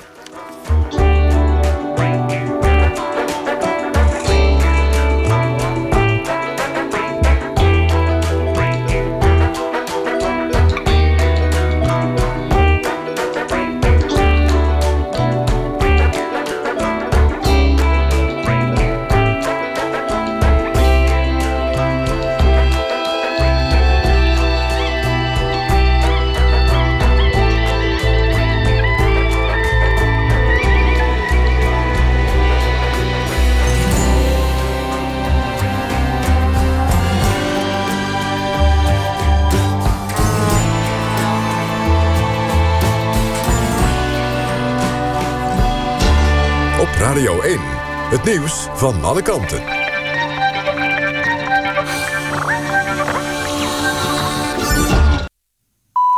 Het is 1 uur, dit is Maud Schreurs met het NWS Journaal. In Rotterdam is een man zwaar gewond geraakt na een schietpartij op een plein. Ooggetuigen zeggen dat twee mannen op het slachtoffer hebben geschoten... en daarna zijn ze gevlucht in een grijze auto. Het slachtoffer zou een bekende zijn van de politie. Hij moest op straat worden gereanimeerd en is daarna met spoed naar het ziekenhuis gebracht. Er is nog niemand opgepakt. PvdA-leider en vicepremier Ascher heeft flink uitgehaald naar premier Rutte. Hij noemt hem een slap aftreksel van een populist. Ascher zei dat in het Haags College. Hij heeft kritiek op een advertentie van de VVD. Daarin zegt lijsttrekker Rutte dat iedereen die niet kan leven met de fundamentele waarden van Nederland, maar beter kan vertrekken. Volgens Ascher zaait Rutte cynisme en flirt de VVD met de onzekerheid over de Nederlandse identiteit. En de PVDA vindt dat minister van der Steur staatsrechtelijk zwaar weerkomt als hij als Kamerlid geadviseerd heeft om informatie over de Tevendeal voor de Kamer weg te houden, zoals Nieuwsuur onthulde. Het CDA noemt het stuitend en de SP spreekt van een ongelooflijke zaak die schadelijk is voor de integriteit van de minister. Van der Steur zelf zegt dat alles al bekend was bij de onderzoekscommissie. En ook premier Rutte stelt dat er niets nieuws onder de zon is. Bernie Ecclestone is niet langer de baas van de Formule 1. De 86-jarige Brit heeft tegen een Duitse autoblad gezegd dat hij is afgezet. Afgelopen week werd bekend dat de Formule 1 is gekocht door Liberty Media. Het leek er eerst op dat Ecclestone directeur zou blijven. Hij is ruim 40 jaar de baas geweest van de Formule 1 maar zijn opvolger is de Amerikaan Chase Carey. Het weer door winterse buien kan het glad zijn. Het KNMI heeft code geel afgegeven voor het hele land. En die gladheid kan tot laat in de ochtend aanhouden. Morgenochtend wordt het overal weer droog, als wat zon tussen 1 en 5 graden. En dit was het NOS Journaal. NPO Radio 1. VPRO. Nooit meer slapen.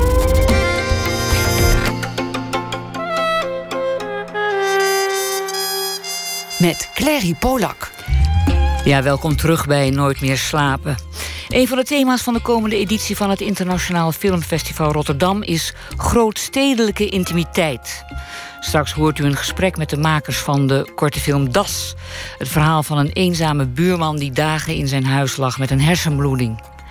En acteur Reinhard Scholten van Aschout komt langs voor de rubriek Open Kaart. Ook gaan we het hebben over zijn rol in het toneelstuk On the Road. Een bewerking van het bekende boek van Jack Kerouac. Maar we beginnen met cultureel nieuws. Dit gebeurde er vandaag allemaal, min of meer. Om zijn onvrede over het presidentschap van Donald Trump te uiten... heeft de Amerikaanse schrijver Dave Eggers aangekondigd... om elke weekdag dat Trump zijn positie bekleedt... een protestnummer te posten op Spotify.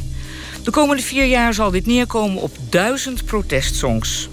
Het nummer Is the End of the World as We Know It van de Amerikaanse band R.E.M. mocht het spits afbijten. In Nederland hoef je natuurlijk niemand meer te overtuigen van de kwaliteit van Gerard Revers De Avonden. Nu, 70 jaar nadat de roman voor het eerst in Nederland verscheen, houdt het boek nu ook Engeland en Amerika in zijn greep. Het verscheen in november al in het Verenigd Koninkrijk. The Guardian noemde de roman zelfs een masterpiece. En vanaf volgende week zal de avonden ook in Amerika te koop zijn. Elk jaar worden op de avond voor de uitreiking van de Oscars de Razzies uitgereikt. Dat zijn de prijzen voor de allerslechtste films en acteerprestaties van het afgelopen jaar. De film Zoolander 2 heeft dit jaar de dubieuze eer het vaakst genomineerd te zijn. De film maakt kans op negen Razzies. Eentje meer dan superheldenfilm Batman vs. Superman Dawn of the Justice. Ook cultureel nieuws kan slapeloze nachten veroorzaken. Wat houdt de kunstenaar uit zijn of haar slaap? Het is bekend dat architectenbureaus flink te lijden hebben gehad onder de crisis die zich rond 2008 inzette. Inmiddels krabbelt de economie weer op. Maar, zo zei architect David Gianotte vandaag op BNR Nieuwsradio... de branche is dermate veranderd... dat de hoeveelheden grote architectuurbureaus van voor 2008 niet meer zullen terugkeren. David Gianotte is architect bij OMA, het bureau van Rem Koolhaas... en het enige bureau dat weinig last heeft gehad van de crisis. Maar dit terzijde. Ik ga erover praten met architect Sjoerd Soeters. Goedenacht, meneer Soeters. Goedenavond. Ja, bent u het eens met uh, wat David Gianotte zegt... dat de hoeveelheid grote architectenbureaus van voor de crisis niet meer terugkeert? Nee, dat is zonder meer waar. Maar niet alleen de grote bureaus keren niet terug. Ook heel veel kleine bureaus hebben opgehouden te bestaan. Ja. Dus aan beide kanten van het spectrum is er een behoorlijke shake-out heeft plaatsgevonden. Juist, en dat is natuurlijk tragisch. nou, de vraag is of het zo belangrijk is. Nou ja, dat was mijn volgende vraag. Is het een probleem? Nou kijk, grote bureaus zoals dat van Rem Koolhaas, OMA... dat zijn bureaus die werken over de hele wereld. Daar zijn ze ook trots op. Ze zijn trots op dat ze de hele wereld overvliegen en daar hun projecten droppen. Um, het Centrum voor Censuur in Peking, uh, in... Uh, in Qatar, waar slavenarbeid wordt verricht, daar, daar werken ze U ook. U hebt het niet heel, erg begrepen op oma, geloof ik. Nee, nee, dat, ik vind eigenlijk dat... Kijk, dat is een soort architectuur waarvan je zelfs de vraag kunt stellen... hebben we daar zo'n behoefte aan in de samenleving? Ik ben een kleine architect. Ik heb een bureau op het moment van een man of 15. Mhm. Ik werk principieel eigenlijk alleen in Nederland, omdat ik vind dat je moet werken in een land waarvan je de cultuur en de mensen begrijpt. Want architectuur maak je voor mensen. Niet voor de glossies en niet voor de, uh, de, de televisieprogramma's. Je maakt het gewoon voor mensen. Dat mensen er prettig kunnen wonen, hun kinderen veilig buiten kunnen laten spelen, er prettig kunnen werken. Maar dan is de vraag, maar dan is de vraag... Daar is architectuur voor. Ja, heeft het dus invloed op hoe er gebouwd wordt. U hebt het blijkbaar niet begrepen uh, op OMA. Maar heeft het minder worden van die grote en kleine architectenbureaus... heeft dat dan invloed op de manier van hoe er gebouwd wordt? Nou, je zou kunnen zeggen dat de grootste invloed op hoe er gebouwd wordt... zijn in feite op dit moment de gemeentes die grond uitgeven. En die grond wordt uitgegeven bijvoorbeeld in Amsterdam via tenders. Mhm. En die tenders worden beoordeeld op prijs en op energieprestatie. En dat betekent dat de duurzaamheid van, van de plannen die daarvoor worden ingediend door ontwikkelaars, geholpen door architecten, de duurzaamheid is buitengewoon dubieus. Want energieprestatie is iets technisch of tot iets technisch gereduceerd, terwijl duurzaamheid is een veel breder begrip. En dus het is niet zo dat grote architectenbureaus die opgave beter aankunnen. Je zou zelfs kunnen beweren dat kennis van de lokale situatie, gevoel voor wat daar bij mensen nodig is, misschien wel beter geborgd is in kleinere bureaus die daar met zorg en met liefde aan werken. In plaats van grote bureaus die eigenlijk over de hele wereld op jacht zijn naar geld en grote prestigieuze opdrachten. en in Nederland, in Nederland hebben we op dit moment vooral behoefte kijk naar de regio Amsterdam, maar eigenlijk de hele Randstad... naar goede betaalbare woningen. Daar is een schreeuwend tekort aan. En dat is dus niet zozeer een soort uh, high-flyer architectenvraag. Dat is eigenlijk een vraag van hoe kunnen we met elkaar dat zo organiseren dat die dingen er ook komen. En dat dat duurzaam is in de zin dat mensen daar in lengte van jaren uh, vol blijheid kunnen wonen. Dat is de opgave. Dank voor uw reactie. Sjoerd Soeters. Dit gebeurde dus vandaag allemaal min of meer.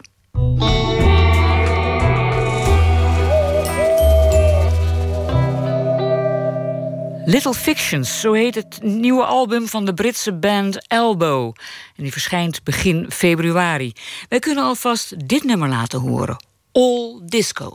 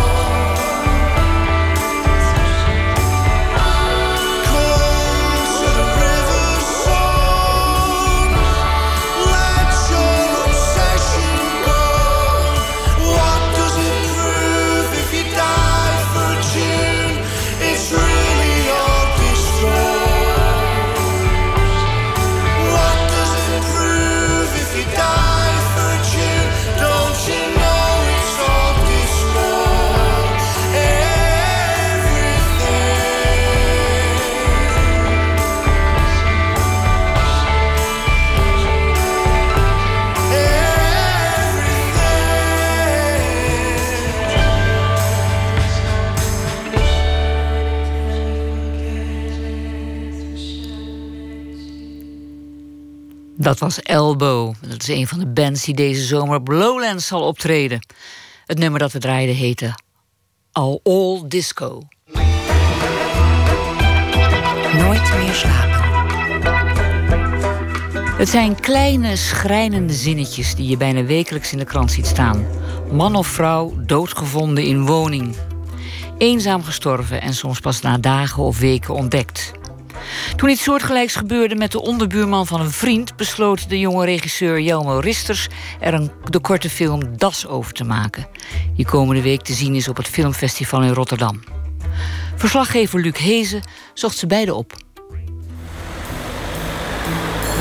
In een drukke straat in Amsterdam-West, ingeklemd tussen een schoenwinkel en een winkel voor Afrikaanse haarmode, zit een onopvallende voordeur.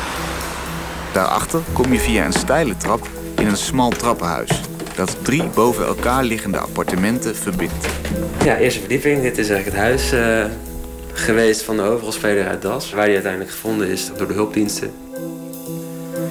Lars, een jonge twintiger, woont samen met zijn vriendin op de bovenste verdieping. In de eerste twee jaar dat ze er wonen, hebben ze weinig contact met de buren. Maar dat verandert zodra de buurman van één hoog hulp nodig heeft. Hij werd wat afhankelijker, als een keertje aan zijn heup geopereerd. Uh, een keertje aan zijn oog, dus hij had wat minder zicht. Hij kon wat minder goed lopen dan in die eerste twee jaar dat ik hier zeg maar woonde. Dus het contact veranderde een beetje van gewoon gedag zeggen op de trap naar... joh, uh, zou je een keertje de meterstanden voor me op kunnen nemen? Of zou je deze envelop een keer op de bus kunnen gooien? Twee jaar geleden, begin november, valt Lars iets op als hij langs de deur op de eerste verdieping loopt. ik denk dat het een heel druk weekend was, maar dat ik op een gegeven moment op zondag dacht van... hé, hey, uh, de post van vrijdag ligt er nog.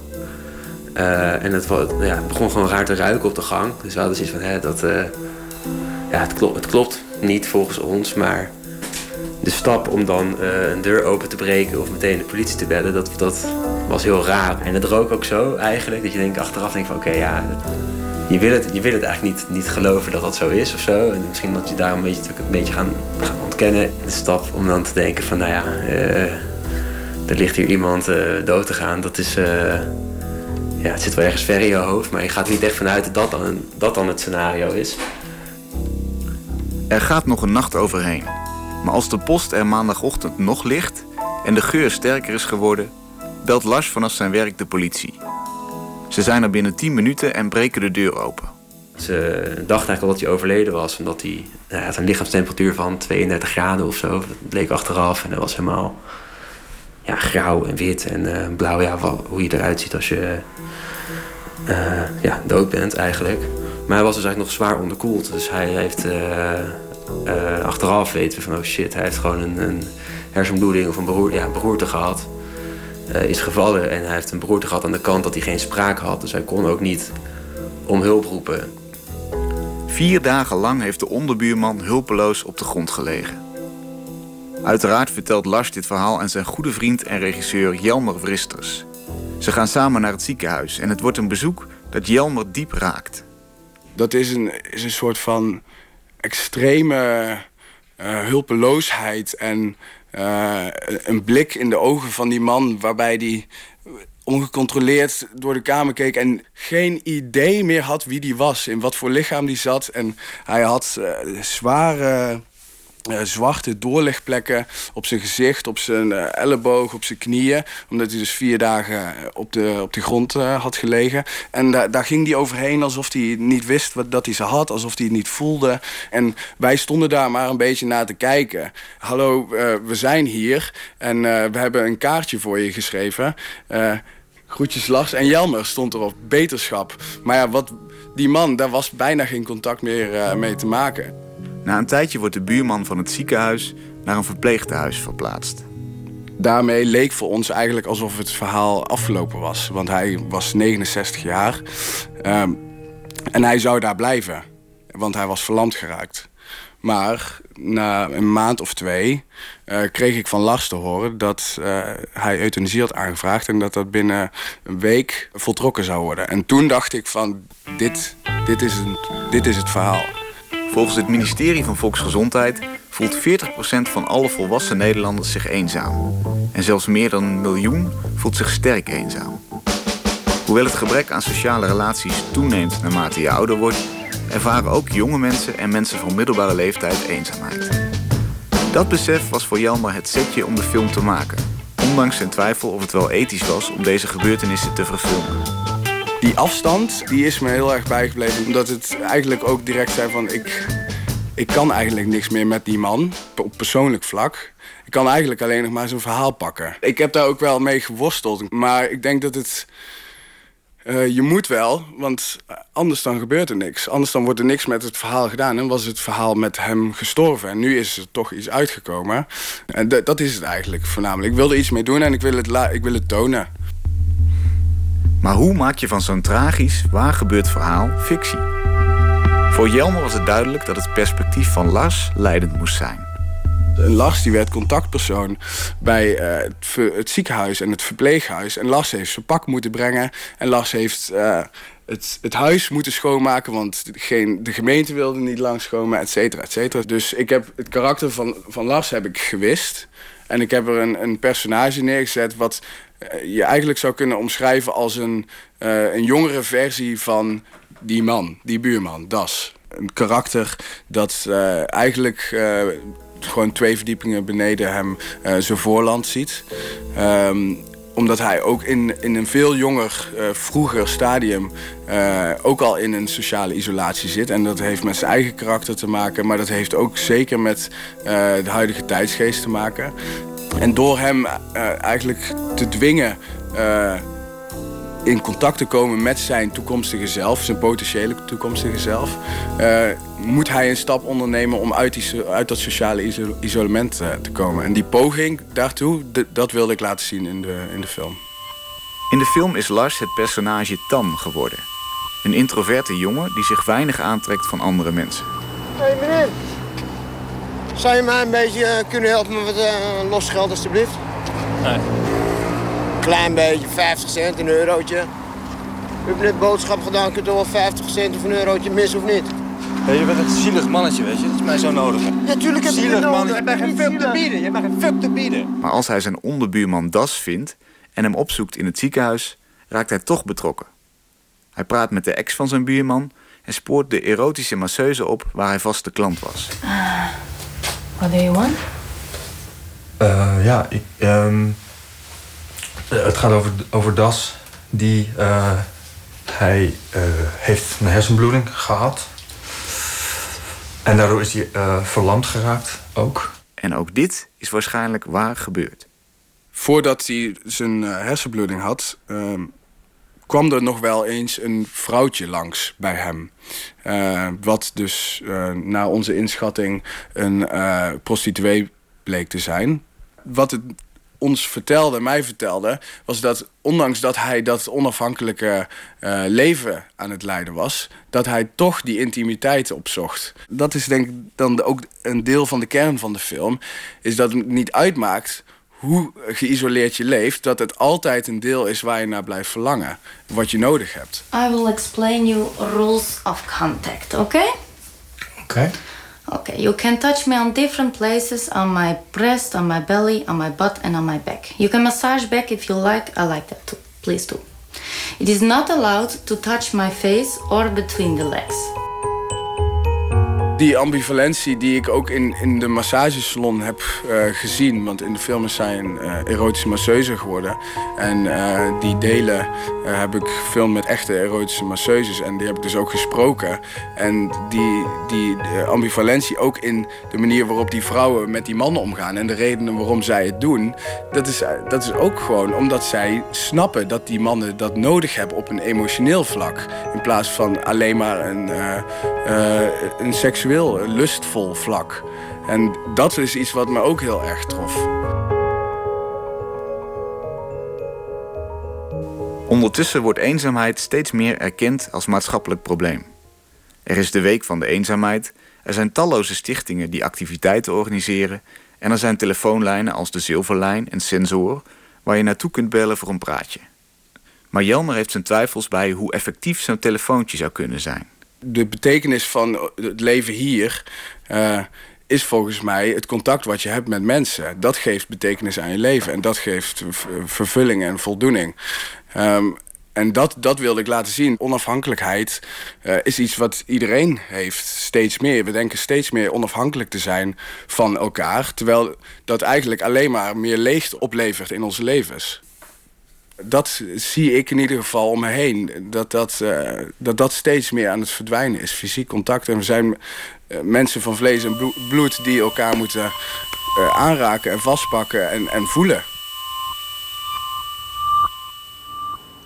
De film Das is tijdens het Internationaal Filmfestival Rotterdam een aantal keer te zien in het filmblok Short Stories Personal Distance. U hoort een bijdrage van Luc Hezen. Muziek nu. Whitney namelijk. Whitney is een duo uit Chicago bestaande uit een gitarist en een zingende drummer. Van hun debuutalbum Light Upon the Lake is dit No Woman.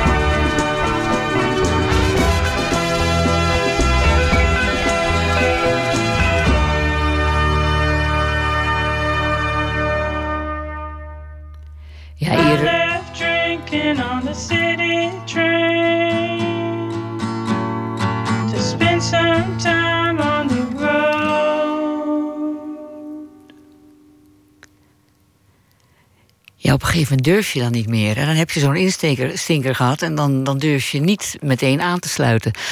Dit was dus uh, duo Whitney met het nummer No Woman. Open kaart. In onze rubriek Open Kaart trekt de gast kaarten uit een bak met ruim 150 vragen over werk en leven. En dit keer doe ik dat met acteur Reinoud Scholten van Aschat. Voordat hij in 2012 afstudeerde aan de toneelschool in Maastricht, had hij al in verschillende tv-series en jeugdfilms gespeeld. Voor zijn rol in de film De Heineken-ontvoering kreeg hij een gouden kalf. En vorig jaar oogste hij veel bewondering voor de manier waarop hij de hoofdrol vertolkte in de film Nooit meer slapen. En laat het nou ook het, de naam zijn van dit programma. Dat je toen niet hier te gast bent geweest. Hm. Niet, hè? Ehm, volgens mij was dat uh, toen de regisseur, Boudewijn oh, okay. Nou goed, nu ben jij het. Beter laat dan nooit. Uh, vanaf volgende week is hij weer te zien in het stuk On the Road van toneelgroep Oostpool. Ja, uh, welkom. Dankjewel. Dus, uh, vorig jaar drong je samen met je vader Gijs naar, uh, naar een gouden kalf. Mm -hmm. uh, jij voor je rol in Nooit meer slapen, hij voor die in publieke werken. Hoop je dan dat hij hem krijgt of dat jij hem krijgt? Wauw, goede binnenkomer. Um, Even denken. Nee, dat was, ja, dat was een vreemde avond. Ja. We zaten in de auto daar naartoe en we zaten allebei een beetje zo ja, een speech half voor te bereiden. Dat was toch wel een zeer absurde, absurde avond. Ja. En nee, ik had ja, natuurlijk, ik had het hem heel erg gegund. Ja. En. Uh, ja, ja, het was uh, dat is spannend. Dan zit je naast elkaar, dan win je hem uiteindelijk allebei niet. En ja, uh, ja prima. Ja? Moet je elkaar dan troosten? Nou, toosten hebben we. Nou, toosten. ook, Jullie hebben getoost in plaats van ja. getroost. Is het vervelend om de zoon van te zijn... en iedere keer weer vragen over je vader te moeten beantwoorden? Uh, nee hoor. Is het ook geen druk? Want je bent natuurlijk ook acteur. Ja, ja dat klopt. Uh, nee, ja, dat, dat, dat, uh, er wordt wel veel gevraagd inderdaad. Ja, dat, dat, ik, weet, ja, ik weet niet hoe het, hoe het, hoe het anders is. Dus... Uh, het is, ik, ik, ik heb het in het begin wel ervaren als een, als, als een druk. Ja, als waar ik iets, iets waar, waar ik van los moet komen. In het eerste jaar op, op de toneelschool mm, heb je sowieso heel veel last van druk. Dat je je moet bewijzen. En, maar dat is een beetje weggeëpt. En ja, ik ben er. ja, ik, we, we, leren veel van elkaar. En we kunnen het over het vak hebben. En, ja. We gaan ooit, wie weet, nog eens vader en zoon samen spelen in een, uh, in een film of, uh, of uh, op de plank. Ja. Heb je ook meteen al een toneelstuk in gedachten? Ja, maar daar mag ik nog niks over zeggen. Oh, het gaat misschien echt gebeuren? Ja, misschien wel. Maar we, moeten, we willen het helemaal zelf opzetten in ieder geval. Oh, leuk. Goed, we gaan, we gaan het daar nu helemaal niet over hebben. Want jij speelt nu in On the Road. Ja. Dat is een toneelstuk naar het gelijknamige boek van Jack Kerouac. Um, het verhaal van een, van een vriendengroep. Nou, vertel zelf maar wat het verhaal eigenlijk is. Um, het, is een, uh, het is een boek uit de jaren 50, geschreven door Jack Kerouac. Uh, het is een. Het wordt wel de Bijbel van de Beat genoemd. De Beat Generation. Dat, zijn, dat is een groep, was een groep jonge schrijvers en dichters in naoorlogs Amerika in de jaren 40, 50. en die. Um, die, uh, ja, die, die, die, dat waren een soort vrijheidspredikers eigenlijk. Uh, ze waren. Um, ze wilden kunst maken. Ze wilden zich losrukken uit een uh, naoorlogs. Amerika, wat toch wel streng en conformistisch was. En dat deden ze niet door te demonstreren. En het waren geen activisten in die zin. Het waren kunstenaars. Dus ze wilden eigenlijk leven, uh, uh, schrijven, kunst maken. Um, en voor hun, uh, hun grootste inspiratiebron was de jazz. Ja, en vrij van conventies. Vrij en, van conventies en, ja. en je losrukken van de wereld die onze ouders gecreëerd hebben. En ze waren eigenlijk ja, zij, zij hebben die hele, die hele vrijheidsrevolutie, die later is, in de jaren zestig is losge, losgebarsten, daar, daar waren zij uh, eigenlijk de grondleggers van. Ja. En dat was een hele kleine club. Het was eigenlijk uh, de Jack Kerouac samen met Allen Ginsberg, de dichter en, uh, en schrijver William Burroughs. Um, en nu dus, ja, en nu ja, spelen wij hun. Eigenlijk. Ja, je, je, hebt daar nu, of jij hebt daar niet, jullie hebben daar nu een toneelstuk van gemaakt. Maar het is een boek uit de jaren 40 van de vorige eeuw. Ja, en wat maakt het leven van de personages eind jaren 40 uh, nu nog fascinerend? Uh, In hoeverre gaat het over nu, over jongeren van nu? Ja, het is. Uh, het is dus. Marcus Azini is de regisseur. Mm -hmm. En het, het, boek is bewerkt door Hanna van Wieringen, schrijfster, dichteres. en het is het is, ja, we, natuurlijk plaats je het in deze tijd doordat je ja, als publiek uh, er naar kijkt uit deze tijd. Dus je hebt een andere bril op. Je hebt sowieso de bril op uit deze tijd. En, um, maar het, het, is, ja, het, is, het is niet zozeer. Uh, de focus ligt niet op het maatschappelijke bij ons. De, de, focus ligt meer op de, op de vriendschap. En het, het is echt een verhaal over, over twee vrienden. En de liefde die ze hebben voor elkaar. En.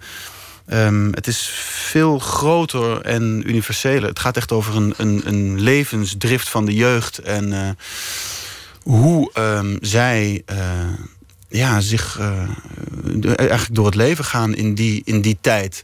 Um, en jij zegt het gaat over, over vrienden. Jij bent een van die vrienden. De ander uh, uh, is, is eigenlijk de verpersoonlijking van de schrijver. Hè? Ja. Um, uh, en de liefde die ze voor elkaar hebben. Maar het is ook de, de teleurgang van die vriendschap een beetje. Ja, ja, ja. Uiteindelijk redden jullie het niet qua vrienden. Of ja, wel? Ja, het is, het is een de schrijver in het verhaal, uh, gespeeld door Matthijs van de Sander Bakhuizen... die speelt Cell Paradise, wat eigenlijk de, de fictieve naam is voor uh, Jack Kerouac zelf. Mhm. Mm -hmm. die beleeft alles. Uh, die is een hele ambitieuze schrijver en die wil eigenlijk leven. Of die wil dingen meemaken. Die ja. wil, hij weigert zich vast te leggen op werk, op plaats. Ja. Hij wil doorlopend reizen, ja. hij wil weg... Dus hij, ja. ja. hij wil eigenlijk vooral uh, in beweging zijn. In ieder geval niet stilstaan. Stilstaan is dood en bewegen is leven. Ja. Dus, uh, en dan ontmoet hij een, um, eigenlijk een losgeslagen gast, uh, Dean Moriarty. En dat ben jij? En dat is weer de fictieve naam voor Neil Cassidy in het echt. en dat, is een, dat was zijn grote ja, inspirator eigenlijk. Die, dat was een, een gast die kwam uit de jeugdgevangenis, is opgegroeid in internaten. En uh, dat was eigenlijk iemand die helemaal buiten de maatschappij staat. Hij steelt, uh, heeft veel vrouwen. Uh, onbetrouwbaar. Onbe ja, ja, onbetrouwbaar, ja, maar heel, en heel levenslustig en charismatisch en snel. hij stond erom bekend dat hij heel veel speed snoof. En um, heel veel ja, verhalen ratelde waarvan je niet wist waar hij het vandaan had. En, hij, maar hij, die had ook schrijfambities. Dus ze, ze, ze wilden wel iets van elkaar ook. Het was niet dat dat uh, de schrijver zegt: ja, neem mij mee uh, op pad en uh, dan heb ik inspiratie voor mijn boek. in het boek is het in ieder geval zo dat mijn personage bij hem aanklopt en zegt: van jij kan mij leren schrijven. ja. Vertel me alles. Nou, en hoe het verder gaat, daar moet iedereen maar haar gaan kijken. In dit stuk on the road. Ik ga langzaam. Je Oh. kijkt al met enige angst. Kijk je daarnaar. Ik heb hier de doos met kaarten. 150 kaarten. En het zijn 150 kaarten. Je hoeft er maar een paar te trekken. Nou, vijf. Uh, weet je wat? Begin maar. Goed. Neem er maar één. Eerste. Je kijkt er en je bestudeert het bijna en je kijkt nu en zo halverwege pak je er één. Ja, echt... kijk, pak gewoon uit ja. het midden. Ja. Uh, Lees maar voor. Wie neem je niet serieus? Wauw.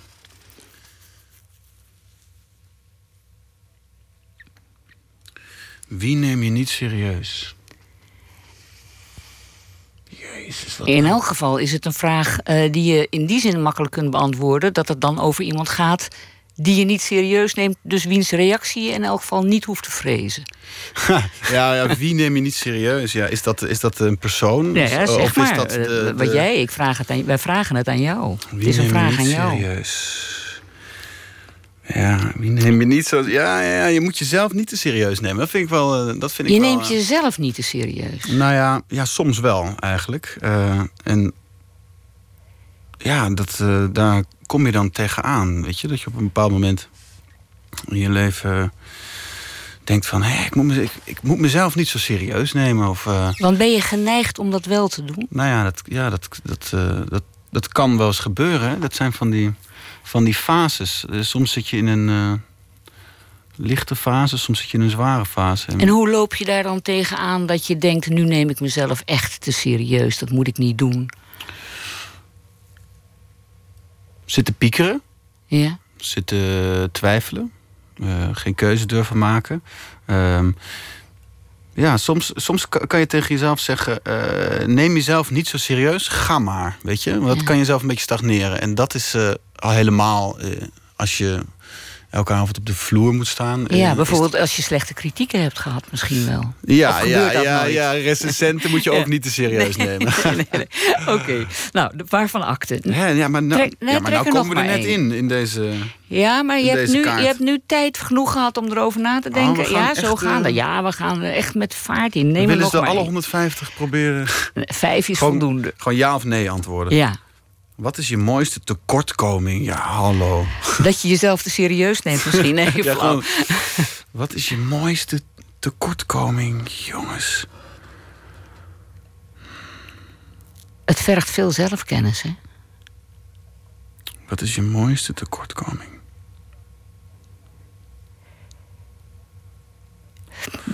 Zo nu en dan moet ik gewoon deze stilte een beetje Ja, nee, onderbreken. sorry, omdat ja, het, ja, omdat het radio is en mensen dan denken. Ze nee. zien je niet piekeren. Ik en het. denken mensen dat de radio stuk is. En dat ik moeten snap we het. Je kan niet echt lange stiltes laten vallen. Hè? Nee, maar nee, met dit soort vragen, die vragen er eigenlijk om. Nou, weet je wat? Neem nog maar. Doe, doe dan nog. Weet je wat? Ik verlos je. Doe er nog maar één. Oké, ja, we gaan er gewoon rap doorheen. Wat is je grootste succes? Hallo. Oké, eh, wat is mijn grootste succes? Ehm, grootste succes, grootste succes, grootste succes. Ehm, het oprichten van mijn theatercollectief Lars Doberman. Dat ervaar ik als een groot succes in mijn leven. Eh, Wat maken is dat voor theatercollectief? Muziektheater. Dus Muziektheater. Wij, eh, ja, muziektheater vind ik ook een moeilijke, nou ja, het is, een, term. het is in die zin geen succes hebben- dat ik er nooit van gehoord heb. Maar het vertel is een, mij. eh, het is een eh, wij maken theater. Of wij, wij zijn eigenlijk samen theater beginnen te maken vanaf de toneelschool samen. Ik samen met Matthijs van Sander Bakhuizen, Matthias van der Vijver en Jip van den Dool. Ehm, waar we onder de vlag van Orkater eh, eh, stukken mogen maken. Ehm, en eh, dat elk jaar doen. Eh, ja, we zijn echt vertrokken vanaf, eh, vanuit onze liefde voor muziek, met name de jazzmuziek. Ehm, en onze eerste voorstelling was, heette een bebop-verhaal. ehm, over het leven van Chet Baker. En ook over de filosofie van de jazz en de vrijheid. En grappig dat ik daar nu al linken mee mm, voel met On the Road. Nou ja, daar speel je ook heel verdienstelijk jazz in de voorstelling, toch? Ja, ik speel eh, een beetje piano in de voorstelling en een beetje trompet. Zeker. Ehm, en eh, ja, dus dat, dat, eh, dat is wel. ja, sorry, dat is wel een kort, duidelijk antwoord. Ja, nou, dan maak je het jezelf in die zin moeilijk dat je nog een kaart moet trekken. Oh, nee, ik had door moeten praten. Nee, nee, nee. Waar denk je aan als je in de tandartsstoel ligt? Ja, dan denk ik toch vaak aan eh, gruwelijke ongelukken. Oh, ben je bang voor de tandarts? Nou, ja, je, er, gaat, er gaat wel eens iets door je hoofd van... hij gaat nu uitschieten en hij gaat toch een, een, een, een hap voor- nemen uit mijn tandvlees ongeluk. Weet je, je hebt altijd van die, van die beelden in je hoofd. Ja, ik, heb, ik, heb dat niet, eh, ik ben niet een grote fan van de, van de tandarts. Ehm, ehm, ja, ja. Ja, daar. Hè. Soms krijg je ook zo'n spiegel in je hand. En dan kan je even meekijken. Ook totaal absurd. Dat is meestal bedoeld om je gerust te stellen, geloof ik. Dat je dan mee kan kijken. Maar dat vind jij niet geruststellend. Ja. ja, dat is hetzelfde als meekijken als je een prik krijgt of een naald in je arm. Dat ja, toch liever niet. Nee. Ik denk liever, eh, ik probeer aan iets anders te denken, maar helaas, eh, ja, dat, is wel, dat is wel moeilijk. Misschien moet je gewoon muziek opzetten. Ja, dat is een goed plan. Jazzmuziek. Ja, De laatste kaart. Laatste je kaart blijft alweer? uit het midden eh, trekken. ja. Ja, dat is net zoals Ja. met een goocheltrucje. Ja, je, je pakt nooit, als iemand zegt, kies een kaart, dan pak je nooit de bovenste. Nee. Wat moet iemand van je weten om je echt te kennen? Hmm. Ehm, wat moet iemand van je weten om je echt te kennen? Wat moet iemand van je weten? Ja, weten vind ik al, vind ik al lastig. Eh, ja. weet niet. Wanneer leer je iemand kennen? Ik denk dat dat ook. Dat, ja, daar moet tijd overheen gaan, toch? Voordat je iemand leert kennen. En dat, zijn niet, dat gaat niet om de feiten. Ik kan niet zeggen van. Uh, dit ben ik. Um, nou ja, wanneer zeg, je, wanneer zeg je. Nou ja, als je dat zegt van me, dan ken je me echt niet. Probeer het om te draaien. Dan ken je me echt niet. Uh, ja. Oh, jongens, dit is toch wel, uh, is toch wel lastig. Ik zie de secondes doortikken. Um, ja. Wat moet iemand van je weten om je echt te kennen? Dat ik. Uh, dat je wanhopig wordt van dit soort vragen. Dat kan ik de mensen toch wel zeggen. dat je doorlopend aan het piekeren bent en aan het steunen bent. En dat je het echt zo moeilijk vindt nou om dit soort persoonlijke vragen te beantwoorden. De tijdsdruk erg, erg uh, lastig. Of dit, dit, dit voelt als een soort therapie. dat je echt, uh, ja, als, je echt maar, als ik zeg maar een uur zou mogen hebben hiervoor, dan kan ik ja, dan kom ik misschien wel op. Uh... Nou, dan noemen we voortaan op de bank bij. En dan uh, in plaats van. Uh, Sorry, ik, is, dit is niet, ik ben hier niet goed in. Nou, maar we ik hebben geef het toe. Het, het, grappige is dat we je op deze manier toch wel aardig hebben leren kennen door, door deze aarzelingen. Ik wil je, wil je in elk geval, want het is ook doodeng. Ik wil je heel hartelijk danken voor je komst naar de studio. Reinoud Scholten van Aschat. Hij speelt On the Road en het is vanaf volgende week te zien in verschillende Nederlandse theaters. Te beginnen in Frascati in Amsterdam. Dankjewel. Graag gedaan. En dan gaan we nu luisteren, dat is nog wel leuk... want in het boek van Jack Kerouac speelt ook de Amerikaanse jazzzanger Slim Gaillard uh, een klein rolletje. En van hem is hier het nummer Atomic Cocktail. It's the drink that you don't pour. Now when you take one sip, you won't need any more. As small as a beetle, as big as a whale. Boom, atomic cocktail.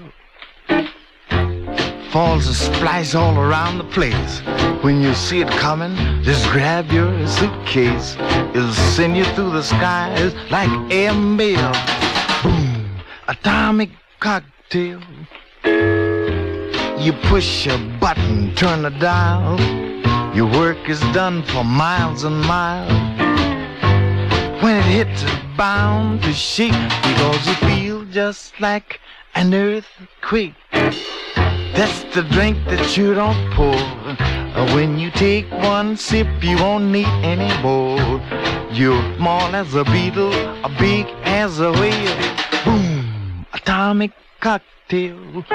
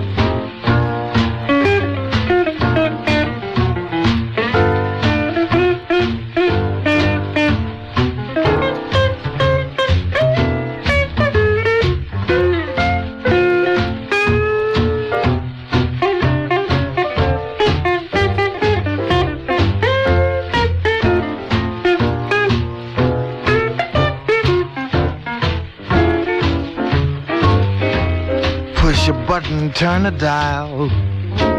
Your work is done for miles and miles. When it hits, bound to shake because it feels like an earthquake. That's the drink that you don't pour. Now when you take one sip, you won't need any more. If you're small as a beetle or big as a whale, atomic cocktail. En dat was ook de titel Atomic Cocktail van Slim Gaillard. We gaan verder met één minuut. Een serie vol wonderlijke verhalen in 60 seconden. En de bijdrage van vandaag heet Marokkanen. Let goed op, want de minuut is zo voorbij. Pst, één minuut. Ik weet gewoon uit eigen ervaring dat het heel erg vervelend is om in een café te zitten. Waar Marokkanen zitten. Ik kan het niet zeggen zonder te lachen, maar het is echt zo. Weet je, en dan zitten ze aan een andere tafel, dan beginnen ze te smoezen. En het zijn meestal niet hele vriendelijke dingen. Van wat, eh, wat zit jij te roken, vuile hoer. En als dat niet gebeurt, dan kan het ook nog voorkomen dat ze dan in het Marokkaans een beetje gaan zitten flirten op een vervelende manier. Van hé, hey, wat een lekker wijf en uh, zullen we die eens uh, benaderen. En, en dat is dan helemaal vervelend. Als ze dan naar je tafeltje toe lopen en de rest van het gezelschap heeft het gesprek niet kunnen volgen en ik doe dan bot tegen zo'n Marokkaan, dan is het van nou, wat ben jij racistisch, want wat doe jij bot tegen hem? Terwijl zij de voorgeschiedenis gemist hebben. Ik denk dat het ook scheelt dat ik gewoon begrijp wat ze zeggen. Hoe kan het dat jij het verstaan? Omdat ik zelf ook Marokkaan ben. U hoorde 1 minuut gemaakt door Jair Stijn.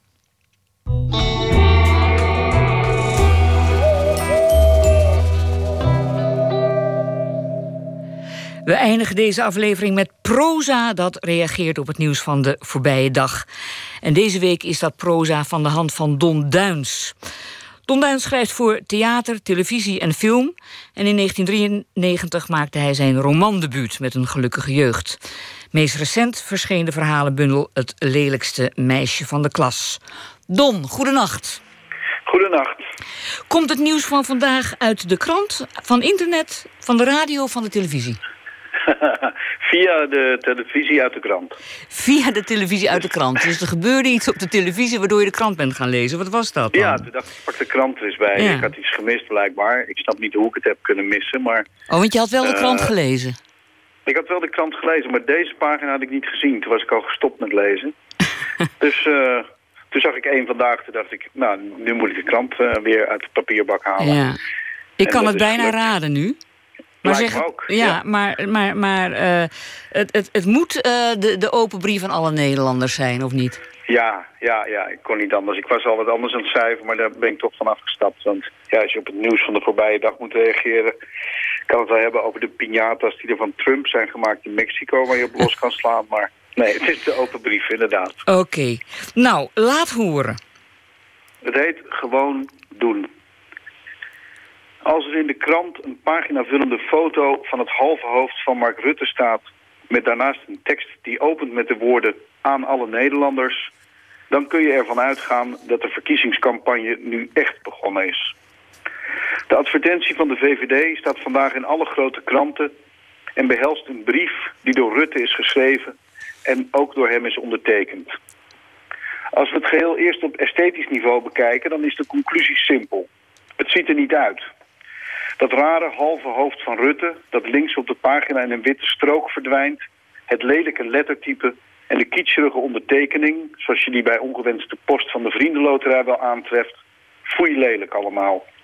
En dan, naast het ook al zo smakeloze bloklogo van de VVD, en dat is het stapje naar de inhoud, de nieuwe slogan van de Liberale Partij. Normaal doen. En daar wil ik iets over zeggen. Want er staat niet normaal doen, of normaal doen, zoals in de discussie van een tijd geleden tussen Rutte en Wilders. Die van doe eens normaal man en doe zelf normaal, kortom het kleuterniveau. Nee, wat hier staat heeft meer het karakter van opstropen die mouwen. Gewoon, punt, doen. Zo van, pak aan en bouw op dat land, van je 1-2 hoppakee. Dat maakt het niet per se beter dan doe normaal, maar het is wel iets anders. En dat vind ik in de meeste commentaren niet terug. Want het regende natuurlijk reacties vandaag op deze advertentiebrief. Zo zei Jesse Klaver in één vandaag het geheel premier onwaardig te vinden. En Twitter regeert Wilders de woorden, het origineel is beter. Want daar gaat het natuurlijk allemaal om. Rutte probeert Geert rechts in te halen, hem de wind uit de patriotistische zijde te halen, of welke clichés je er ook maar op los wil laten. En dat doet onze premier met zinnen als... Ik begrijp heel goed dat mensen denken... als je ons land zo fundamenteel afwijst... heb ik liever dat je weggaat. Dat gevoel heb ik namelijk ook. Doe normaal of ga weg. Kijk, ik snap best dat de VVD iets moet. Ze staan flink op achterstand ten opzichte van de PVV. Maar had het niet met iets meer raffinement gekund? Iets stijlvoller. Iets minder dit is ons landachtig. En vooral iets minder nep. Want mensen gaan dit niet geloven. Mark met het halve hoofd. Mensen gaan dit zien voor wat het is. Meehuilen met de wolven in het bos. Zo'n knullige zin als... Er ligt slechts één vraag voor. Wat voor land willen we zijn? Geeft aan dat de VVD goed de weg kwijt is. Maar misschien komt er nog een brief met de andere helft van Rutte's hoofd. En wie weet is die brief stukken verstandiger. Al betwijfel ik het. Of moet ik gewoon normaal doen? Dankjewel, Don. We spreken elkaar morgen weer rond dezelfde tijd. Tot morgen. Tot morgen. We hebben nog tijd voor muziek. Clap Your Hands door Wilk en Misky.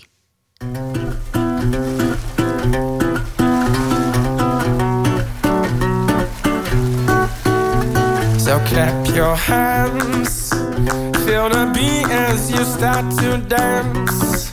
Hear that rhythm as you take your stance. Feel the love and romance. Mm. And stomp your feet. Everybody just bounce to the beat. Taste that rhythm, take hold so sweet.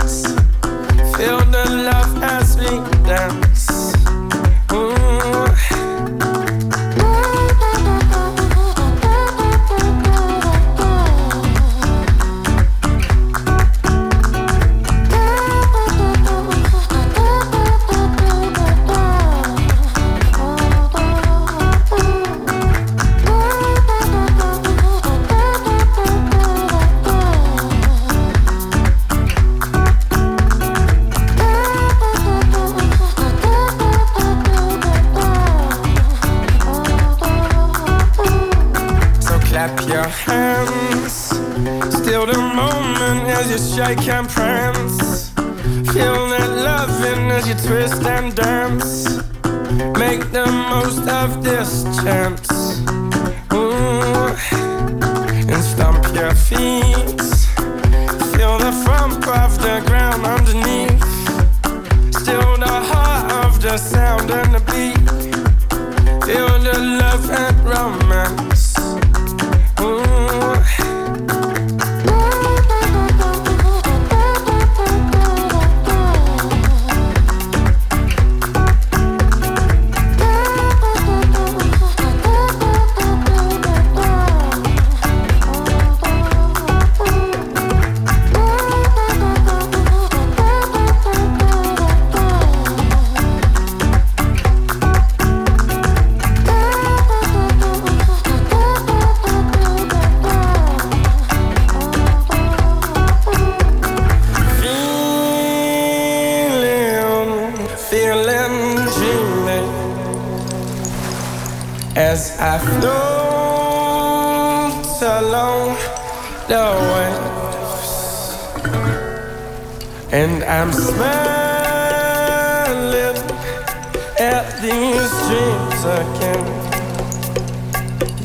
I'm feeling.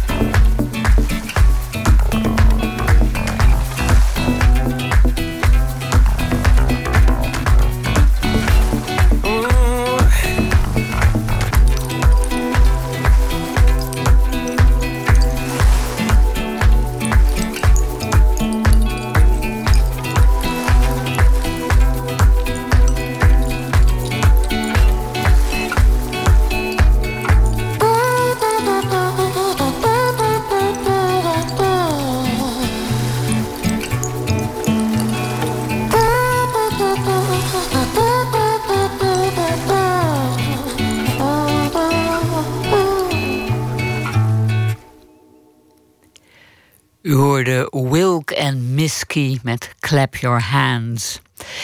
Ik vertel u nog iets over morgen, want dan komt fotograaf Desiree Doron langs. Haar foto's hangen werkelijk overal, van het Guggenheim Museum in New York tot het Victoria and Albert Museum in Londen. En bekend zijn vooral haar sober portretten en gezichten die zo breekbaar lijken als porselein. Museum Singer toont nu een overzicht van heel haar werk. En ik ga er morgen met haar over praten. Graag tot dan.